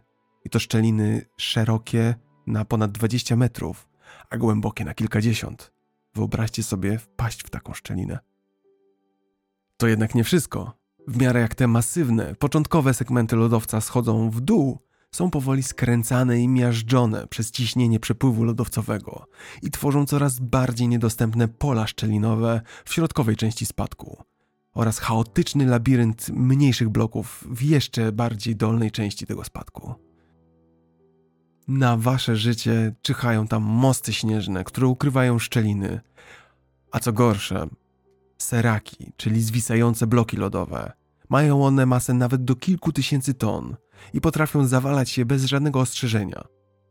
Wspinacz, który znajdzie się w lawinie albo w jakimkolwiek innym zdarzeniu na lodospadzie, może zrobić bardzo niewiele, aby uniknąć obrażeń, bo wszystko spada bezpośrednio na głowę. Nie ma gdzie uciec. Przejście przez lodospad Kumbu jest tak niebezpieczne, że nawet rozbudowane sieci lin i drabiny instalowane przez szerpów nie są w stanie zapobiegać utracie życia. Na samym lodowcu Kumbu do 2016 roku 44 osoby zginęły. Czy jest jakiś sposób, aby choć odrobinę ułatwić przejście przez ten rejon? Większość spinaczy stara się przejść przez lodospad przed wschodem słońca, wtedy kiedy jest on najbardziej nieruchomy z powodu nocnego zimna. Gdy bowiem tylko pojawia się słońce, gdy światło słoneczne zaczyna ogrzewać teren, lód zaczyna się topić, co zaś powoduje zmniejszenie tarcia w strukturze lodu, co zwiększa tempo przepływu wody, a w konsekwencji prowadzi do otwierania się szczelin i zawalania się seraków. Najniebezpieczniejsza pora przekraczania lodospadu to zazwyczaj około południa. Doświadczeni, zaaklimatyzowani wspinacze muszą zarezerwować nawet kilka godzin, aby pokonać ten jeden lodospad. Niedoświadczeni albo niezaaklimatyzowani spinacze potrzebują nawet 12 godzin na to jedno miejsce. Obóz pierwszy na trasie Everest Przełęcz Południowa znajduje się zazwyczaj nieco powyżej wierzchołka lodospadu Kumbu.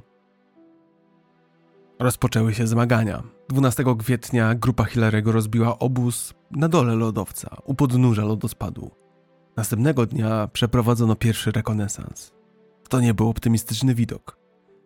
Stwierdzono, że od 51 roku lodospad znacznie się zmienił i to na gorsze. Po wypróbowaniu różnych wariantów zdecydowano się na drogę centralną, poza zasięgiem lawin z boków. Nie dało się jednak uniknąć niebezpieczeństwa związanego z samym lodospadem. Stromy odcinek poniżej obozu leżał nad stertą lodowych bloków o różnych kształtach i rozmiarach. Cały obszar był zagrożony wielotonowymi serakami. Pomiędzy nimi zaś znajdowały się szczeliny i dziury, często ukryte przez świeży śnieg. Większe szczeliny udawało się pokonać za pomocą aluminiowych drabin, które później zastąpiono pniami drzew przyniesionymi z lasu przez szerpów. W kilku miejscach zamocowano liny ręczne, a dwa pionowe, niesamowicie trudne odcinki nazwano Horror Hilarego i Horror Majka. Tymczasowy obóz założono na skraju lodowych półek. Udało się dotrzeć tam pokonując zmienny obszar szczelin i niestabilnych bloków. W nocy nikt nie mógł spać. Nieustannie słychać było trzaski i dudnienie lodu. Później szczeliny zaczęły się już nawet otwierać pod namiotami. Szerpowie odmówili spania i obóz został opuszczony. Powyżej tego tymczasowego obozu, najbezpieczniejszą z braku lepszego słowa, była droga po prawej stronie. Wielkie płaty lodu, które odrywały się z zachodu, nie rozpadały się tam jeszcze na małe bloki. Trasa kończyła się wijąc między ogromnymi, przypominającymi góry lodowe blokami, a na 40-metrowy pionowy blok weszli razem z Hilarym małą szczeliną. Wierzchołek tego bloku był połączony z kotłem zachodnim wąską szyją lodową. Tego dnia, 22 kwietnia 1953 roku, na samym szczycie lodospadu, na wysokości 6 km, rozbity został obóz numer 3.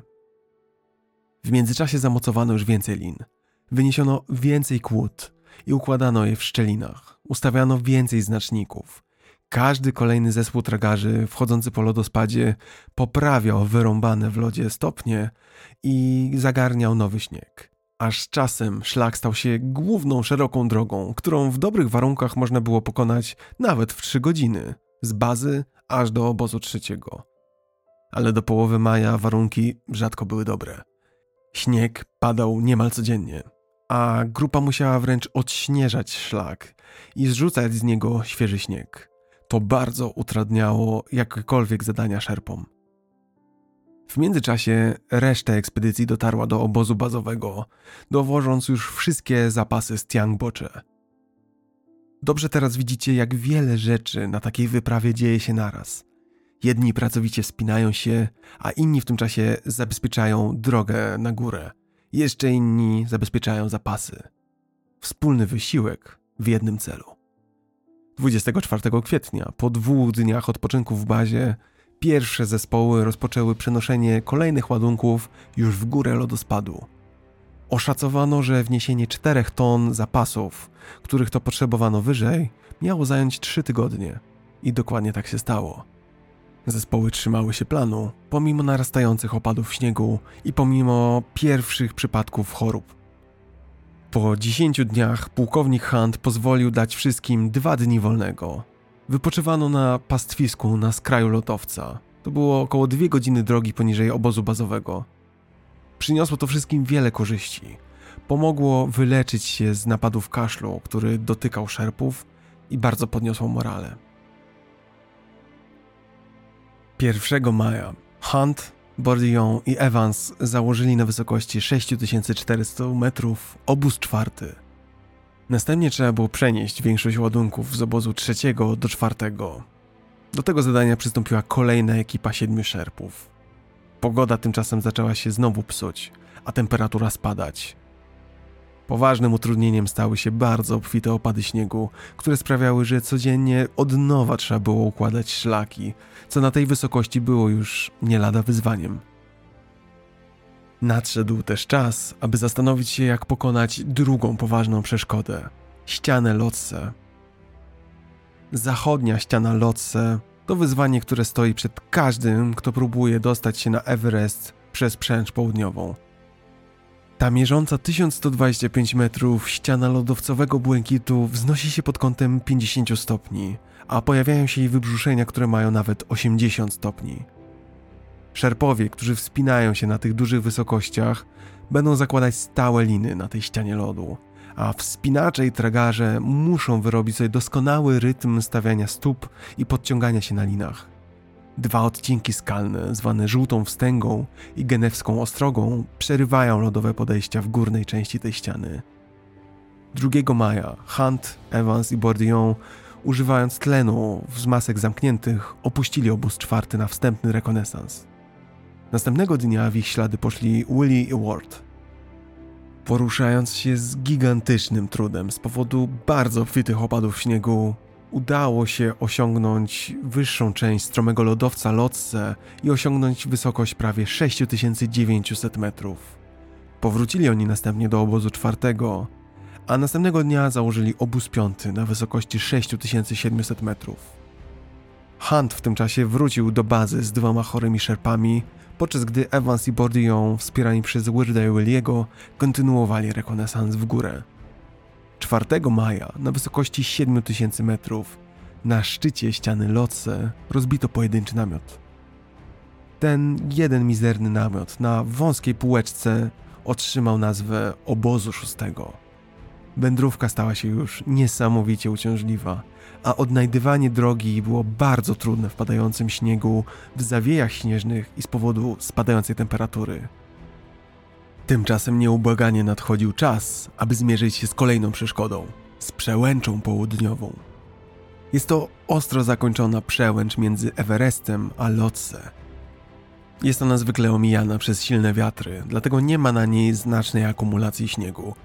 Kiedy wspinacze próbują wejść na Everest z południowo-wschodniej grani, ich obóz końcowy znajduje się właśnie na przełęczy południowej. Po wejściu na przełęcz południową, żarty kończą się.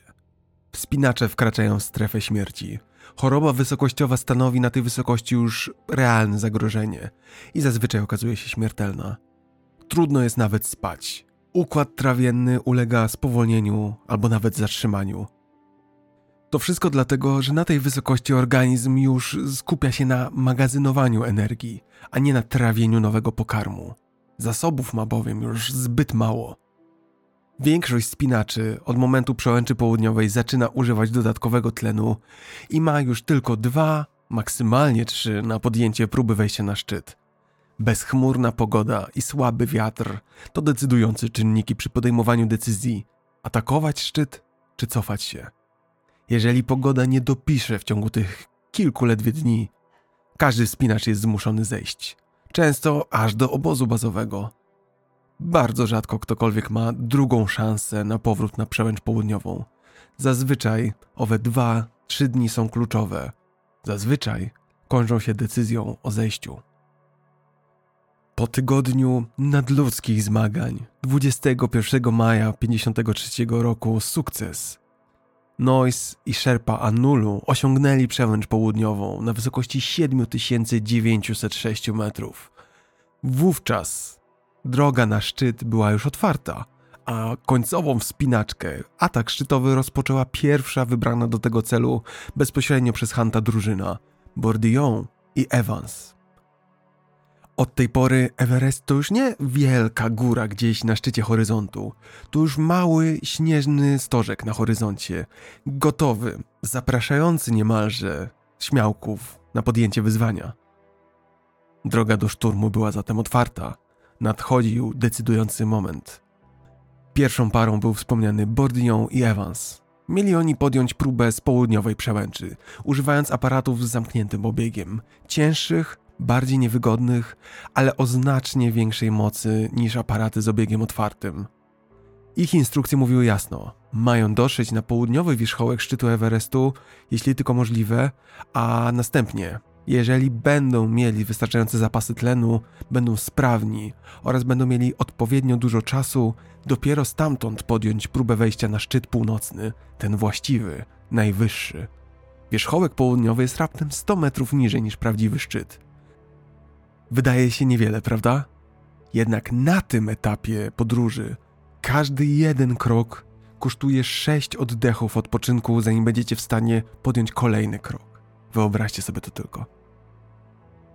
I tak 26 maja 53 roku o 5 rano słońce obudziło Bourdion i Avansa i zaczęli się szykować. Do godziny 6 rano wypili lemoniadę, założyli buty i sprawdzili sprawność aparatów tlenowych. Na świeżym wietrze każde wystawienie rąk na działanie wiatru albo kontakt z metalem oznaczały natychmiastowe drętwienie i oparzenia od mrozu. Przerażony Evans wycofał się z powrotem do namiotu i stwierdził, że nawet przez ten krótki moment, gdy na chwilę był poza namiotem, zawory w jego aparacie tlenowym zamarzły. Odkrył, że kurek na dopływie tlenu był zepsuty w pozycji zamkniętej i gaz przestał przypływać. Na szczęście udało mu się gołymi rękoma, kalecząc się niemiłosiernie, naprawić prowizorycznie rurkę i o 7.30 para była w stanie ruszyć na szczyt. Mimo ciężaru, który wynosił ponad 25 kg na osobę, posuwali się do przodu i dotarli do podnóża stromego żlewu, który prowadzi na południowo-wschodnią grań. Śnieg był twardy, a oni pracowicie wyrąbywali kolejne stopnie aż do szczytu. Nad nimi chmury były ciemne, a w kierunku Malalo i Lotse przebijało się słońce. Gdy spojrzeli w dół, daleko pod sobą zobaczyli pomarańczowe kropki. Były to namioty obozu siódmego. Bourdion i Evans pozwolili sobie na krótki odpoczynek i ruszyli dalej na grań. Nie było żadnych trudności i szli razem, po lewej stronie grani, po luźnych skałach pokrytych miękkim śniegiem. Było na tyle stromo, że prawie cały czas musieli wspinać się z użyciem rąk. Nie sposób było wyprostować się, nie ryzykując odpadnięcia od ściany. Wkrótce dotarli do grani z czystym śniegiem, a wysokość wynosiła 8500 metrów. O godzinie 11 dotarli do niewielkiego zagłębienia, które dało schronienie przed bezlitosnym wiatrem, który się nieustannie wzmagał. Evans uznał, że to miejsce, w którym należy wymienić butlę na nową. Po dokonaniu wymiany, która przebiegła bez problemów, Evans wyciągnął butelkę lemoniady, ale niestety od mrozu szkło pękło i wsypało się wprost do napoju. Byli oni jednak na tyle wycieńczeni, że na poważnie rozważali, czy można zlizywać lemoniadę ze szkła. W chwili przypływu świadomości, aby się ratować, zrzucili butelkę w dół południowej ściany. Przez następne 10 minut Bordion i Evans parli w górę. Szczyt zbliżał się, gdy nagle Evans poczuł, że jego aparat tlenowy przestaje dostarczać powietrze. Choć w butli tlenu było jeszcze dostatecznie dużo, to najwyraźniej aparat w jakiś sposób się uszkodził. Nie mogli niestety znaleźć powodu, dla którego aparat przestał działać.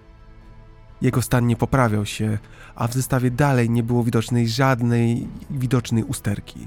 Doszli więc do wniosku, że to kanister z wapnem sodowym musiał ulec uszkodzeniu, a w obiegu zaczął gromadzić się dwutlenek węgla, który zaczął powoli dusić Evansa.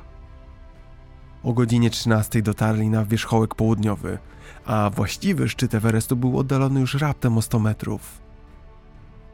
Ale było już za późno. Kalkulacja była bezlitosna. Tlenu mogło wystarczyć raptem na 2,5 godziny. Ledwie na powrót do przełęczy południowej. Z całą pewnością nie było żadnych szans, aby zakończyć atak szczytowy z powodzeniem. Evans i Bourdillon spojrzeli na siebie. Obaj rozumieli, w jakiej są sytuacji. Obaj rozumieli, że ambicja musi ustąpić chłodnemu, racjonalnemu myśleniu. Nie było rady. Everest pokonał pierwszą parę. Po zrobieniu kilku zdjęć rozpoczęli schodzenie. W drodze powrotnej ich buty były wypełniane nawiewanym śniegiem i trudno im było utrzymać się na nogach z powodu stromizny. Gdy dotarli na śnieżną grań poniżej górnych, stromych skał, chmury stały się dużo gęstsze, a wilgoć zaczęła zamarzać na soczewkach gogli. Nawet bez gogli Evans widział raptem na kilka metrów do przodu. W końcu usiedli przy porzuconych poprzednio butlach z tlenem i zaczęli ssać śnieg oraz tabletki glukozy. Grań stała się bardzo stroma, a na nierównym podłożu, pokrytym zdradliwą warstwą śniegu, obaj zaliczyli kilka poślizgnięć.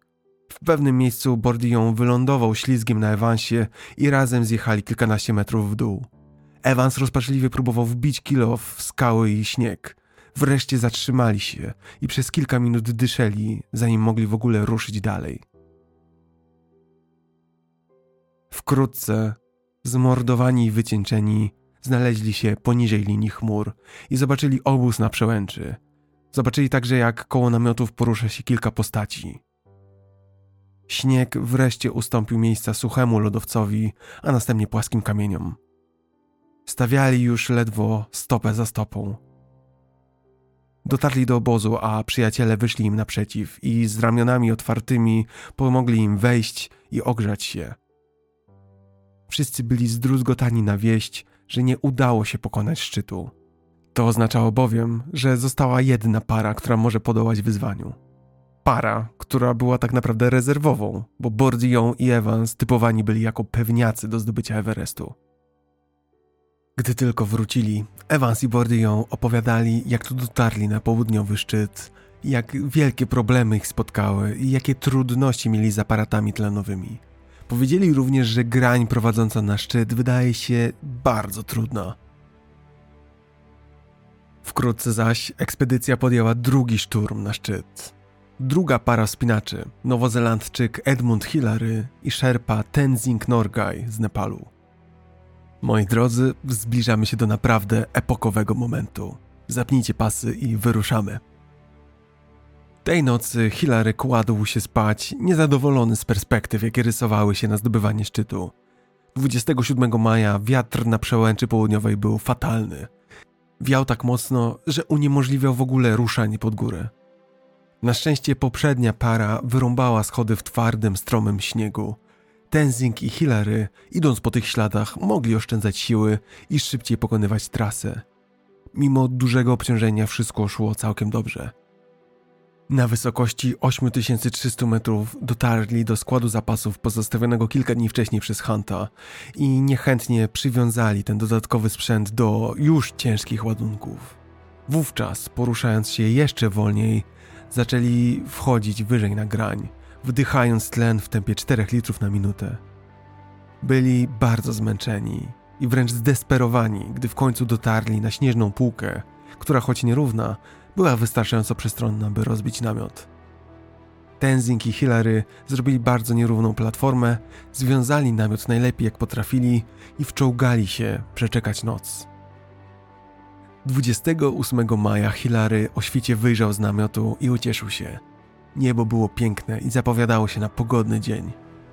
Obudził Tenzinga, szybko zorganizowali się i o 6.30 wyruszyli w górę. Pierwsze 500 metrów pokonali bardzo powoli, ale systematycznie. Szło im się dobrze, a wszelkie problemy, które napotykali, pokonywali bez trudu. Następnie Hilary i Tenzing dotarli do wielkiej 150-metrowej ściany biegnącej do szczytu południowego. Nie dość, że było bardzo stromo, to jeszcze śnieg był w niebezpiecznym stanie. Mozolnie torując drogę w górę, czasem w śniegu po kolana, a czasem nawet głębiej – jakby tego było mało, w głowie ciągle mieli świadomość, że nawet jeden nieostrożny krok gwarantuje spadek 5 km w dół. W połowie zbocza Hilary zapytał Tenzinga, co myśli o ich szansach na sukces. A Tenzing powiedział, że wydaje mu się, że to co robią jest bardzo niebezpieczne i że nie jest zadowolony, że są tak wysoko. Kiedy Hilary zapytał go, czy powinni iść dalej, Tenzing powiedział: Skoro uważasz, że mamy jakieś szanse, to idźmy dalej. 50 metrów od południowego szczytu śnieg stał się twardy i mogli już kopać i wyrąbywać stopnie w stromych zboczach. Wkrótce usiedli i napili się wody. Do tej pory zużywali tlen w tempie 3 litrów na minutę i szybko oszacowali, że z pozostałą butlą wystarczy im na kolejne 4,5 godziny. Grań przed nimi wyglądała na trudną i niebezpieczną. Z prawej strony mocno żłobiona, z lewej opadająca do ogromnych urwisk skalnych. Jedyną możliwością było trzymanie się stromego, śnieżnego zbocza biegnącego między nimi. Z radością stwierdzili, że śnieg dalej nie jest miękki i sypki, ale wciąż twardy, a to oznaczało, że kilka dobrych uderzeń siekierą lodową wystarczało, by zrobić odpowiednio duży stopień, by postawić tam stopę. Próbowaliście kiedyś wspinać się po stromym i śliskim lodzie? Dzisiejsi Himalaiści używają do tego raków, które są ostre i wbijają się wprost w lód. Wówczas jednak nie było takiej technologii. Należało pracowicie wykuwać w lodzie stopień po stopniu i po takich prowizorycznych wschodach wspinać się. To praca ciężka nawet na poziomie morza, a wyobraźcie robić to sobie na wysokości prawie 9 km. Następny etap wyglądał następująco. Hilary wyrąbywał 10 metrów schodków lodowych, następnie asekurował Tenzinga, który wchodził po owych schodkach. Następnie Hilary odpoczywał, a Tenzing rozpoczynał swoją część wyrąbywania schodków. I tak na zmianę. Posuwali się pojedynczo, w pełni świadomi, że na tak dużej wysokości jeden nieostrożny krok oznacza śmierć dla obojga. Po godzinie wędrówki południowy szczyt został za nimi, ale Hilary zauważył, że Tenzing zaczyna się ociągać. Hilary podszedł i sprawdził jego aparat tlenowy i stwierdził, że wylot wydechu z maski jest zablokowany lodem. Na szczęście była to łatwa usterka do naprawy. Ruszyli dalej i wkrótce dotarli do najtrudniejszej przeszkody, jaką Everest szykował swoim śmiałkom.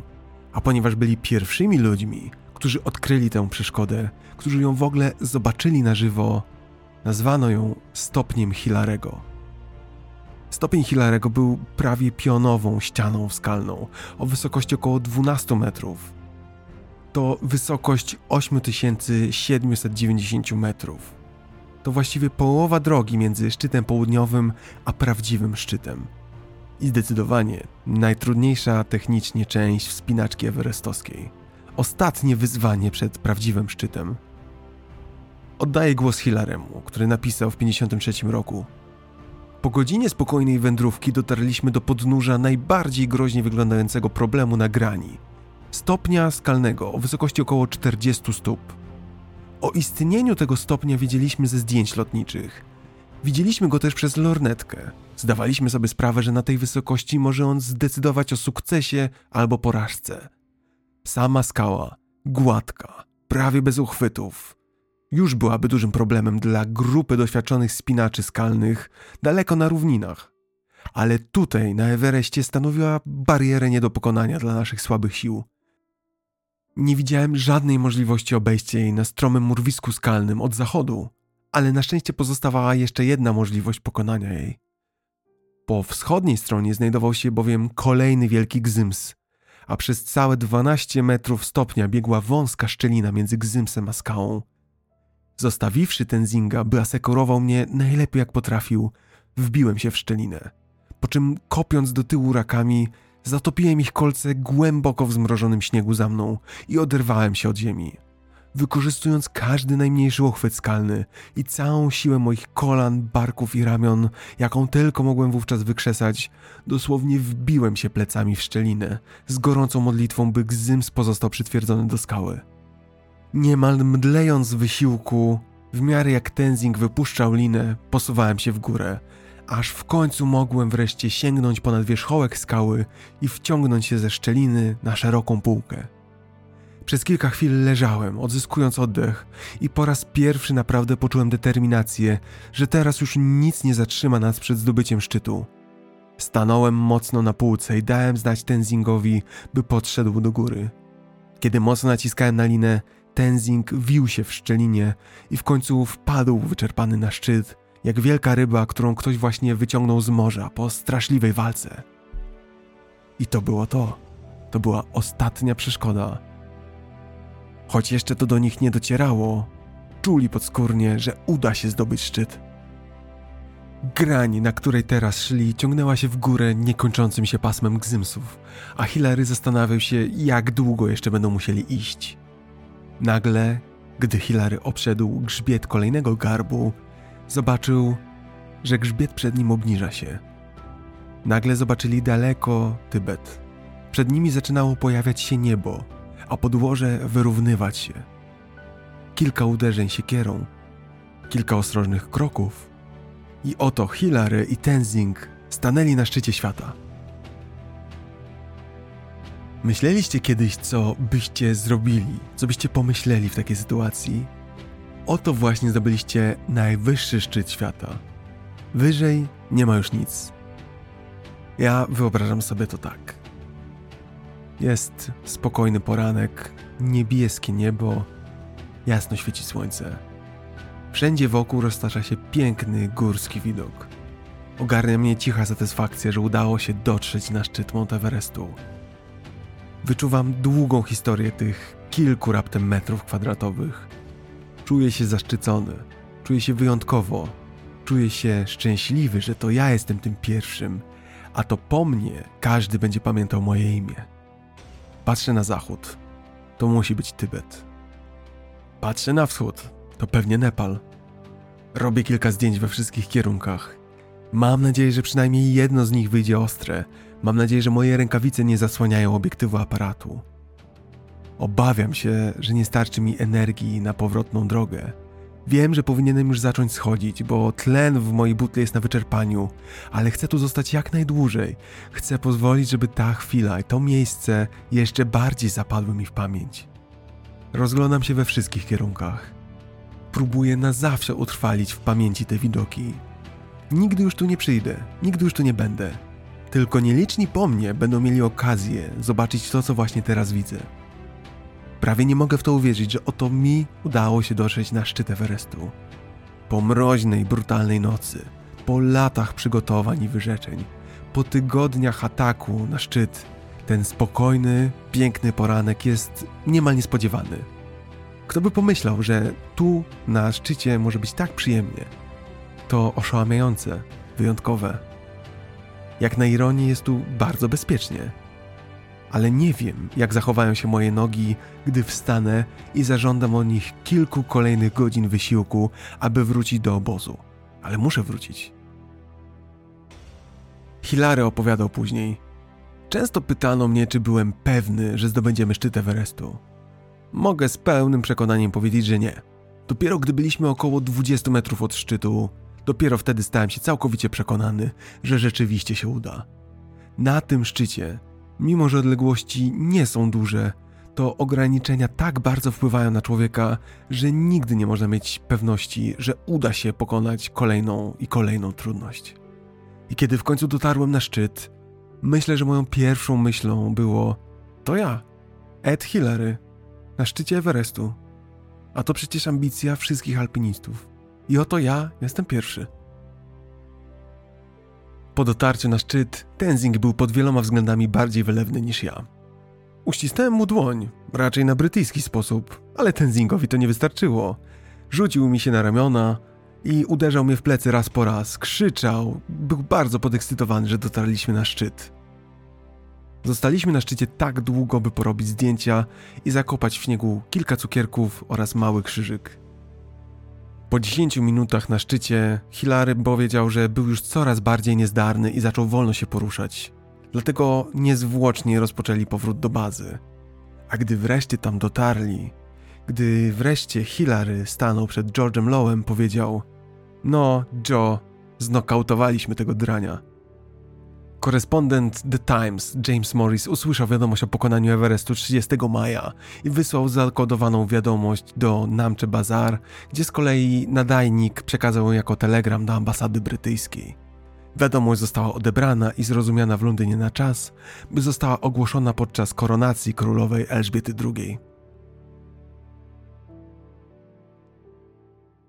Do dziś na szczycie Everestu stanęło około 4000 Himalajstów, a rocznie tej próby podejmuje się ponad 800 osób.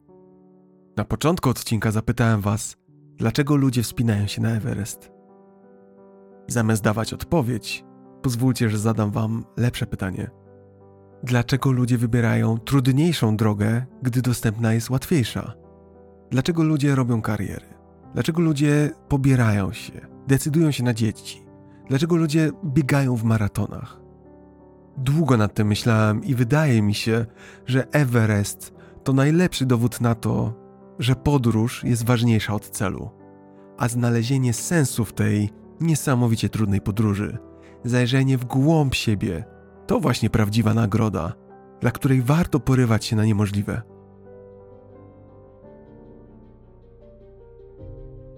Moi drodzy, bardzo dziękuję za wysłuchanie. Będę wdzięczny, jeżeli zasubskrybujecie kanał na YouTube, nawet jeśli słuchacie na Spotify czy innych aplikacjach podcastowych. Jeśli tylko macie chwilę, zostawcie recenzję na Apple Podcasts, czy też komentarz na YouTubie. Jeśli wam się zaś dobrze słuchało, podzielcie się tym podcastem ze znajomymi. Zapraszam was na odświeżony profil Patronite. Jeżeli czujecie, że chcecie wspierać podcast historyczny, to będę wdzięczny za nawet najdrobniejsze wsparcie. Dziękuję w tym miejscu wszystkim wspierającym patronom, w tym anonimowym. Zostajecie wymienieni w opisie odcinka. Jak dobrze wiecie, jesteście dla mnie paliwem podcastu. Jesteście dla mnie fundamentem i jestem za to wdzięczny każdego dnia. Zapraszam też na moje kanały społecznościowe, na Instagram i na Twittera. Tak jak wspomniałem na początku odcinka, podcast historyczny to jednoosobowy projekt, a więc jeśli jesteście ciekawi, co u mnie słychać między odcinkami, to zapraszam serdecznie. Do usłyszenia, dobrego dnia, cześć.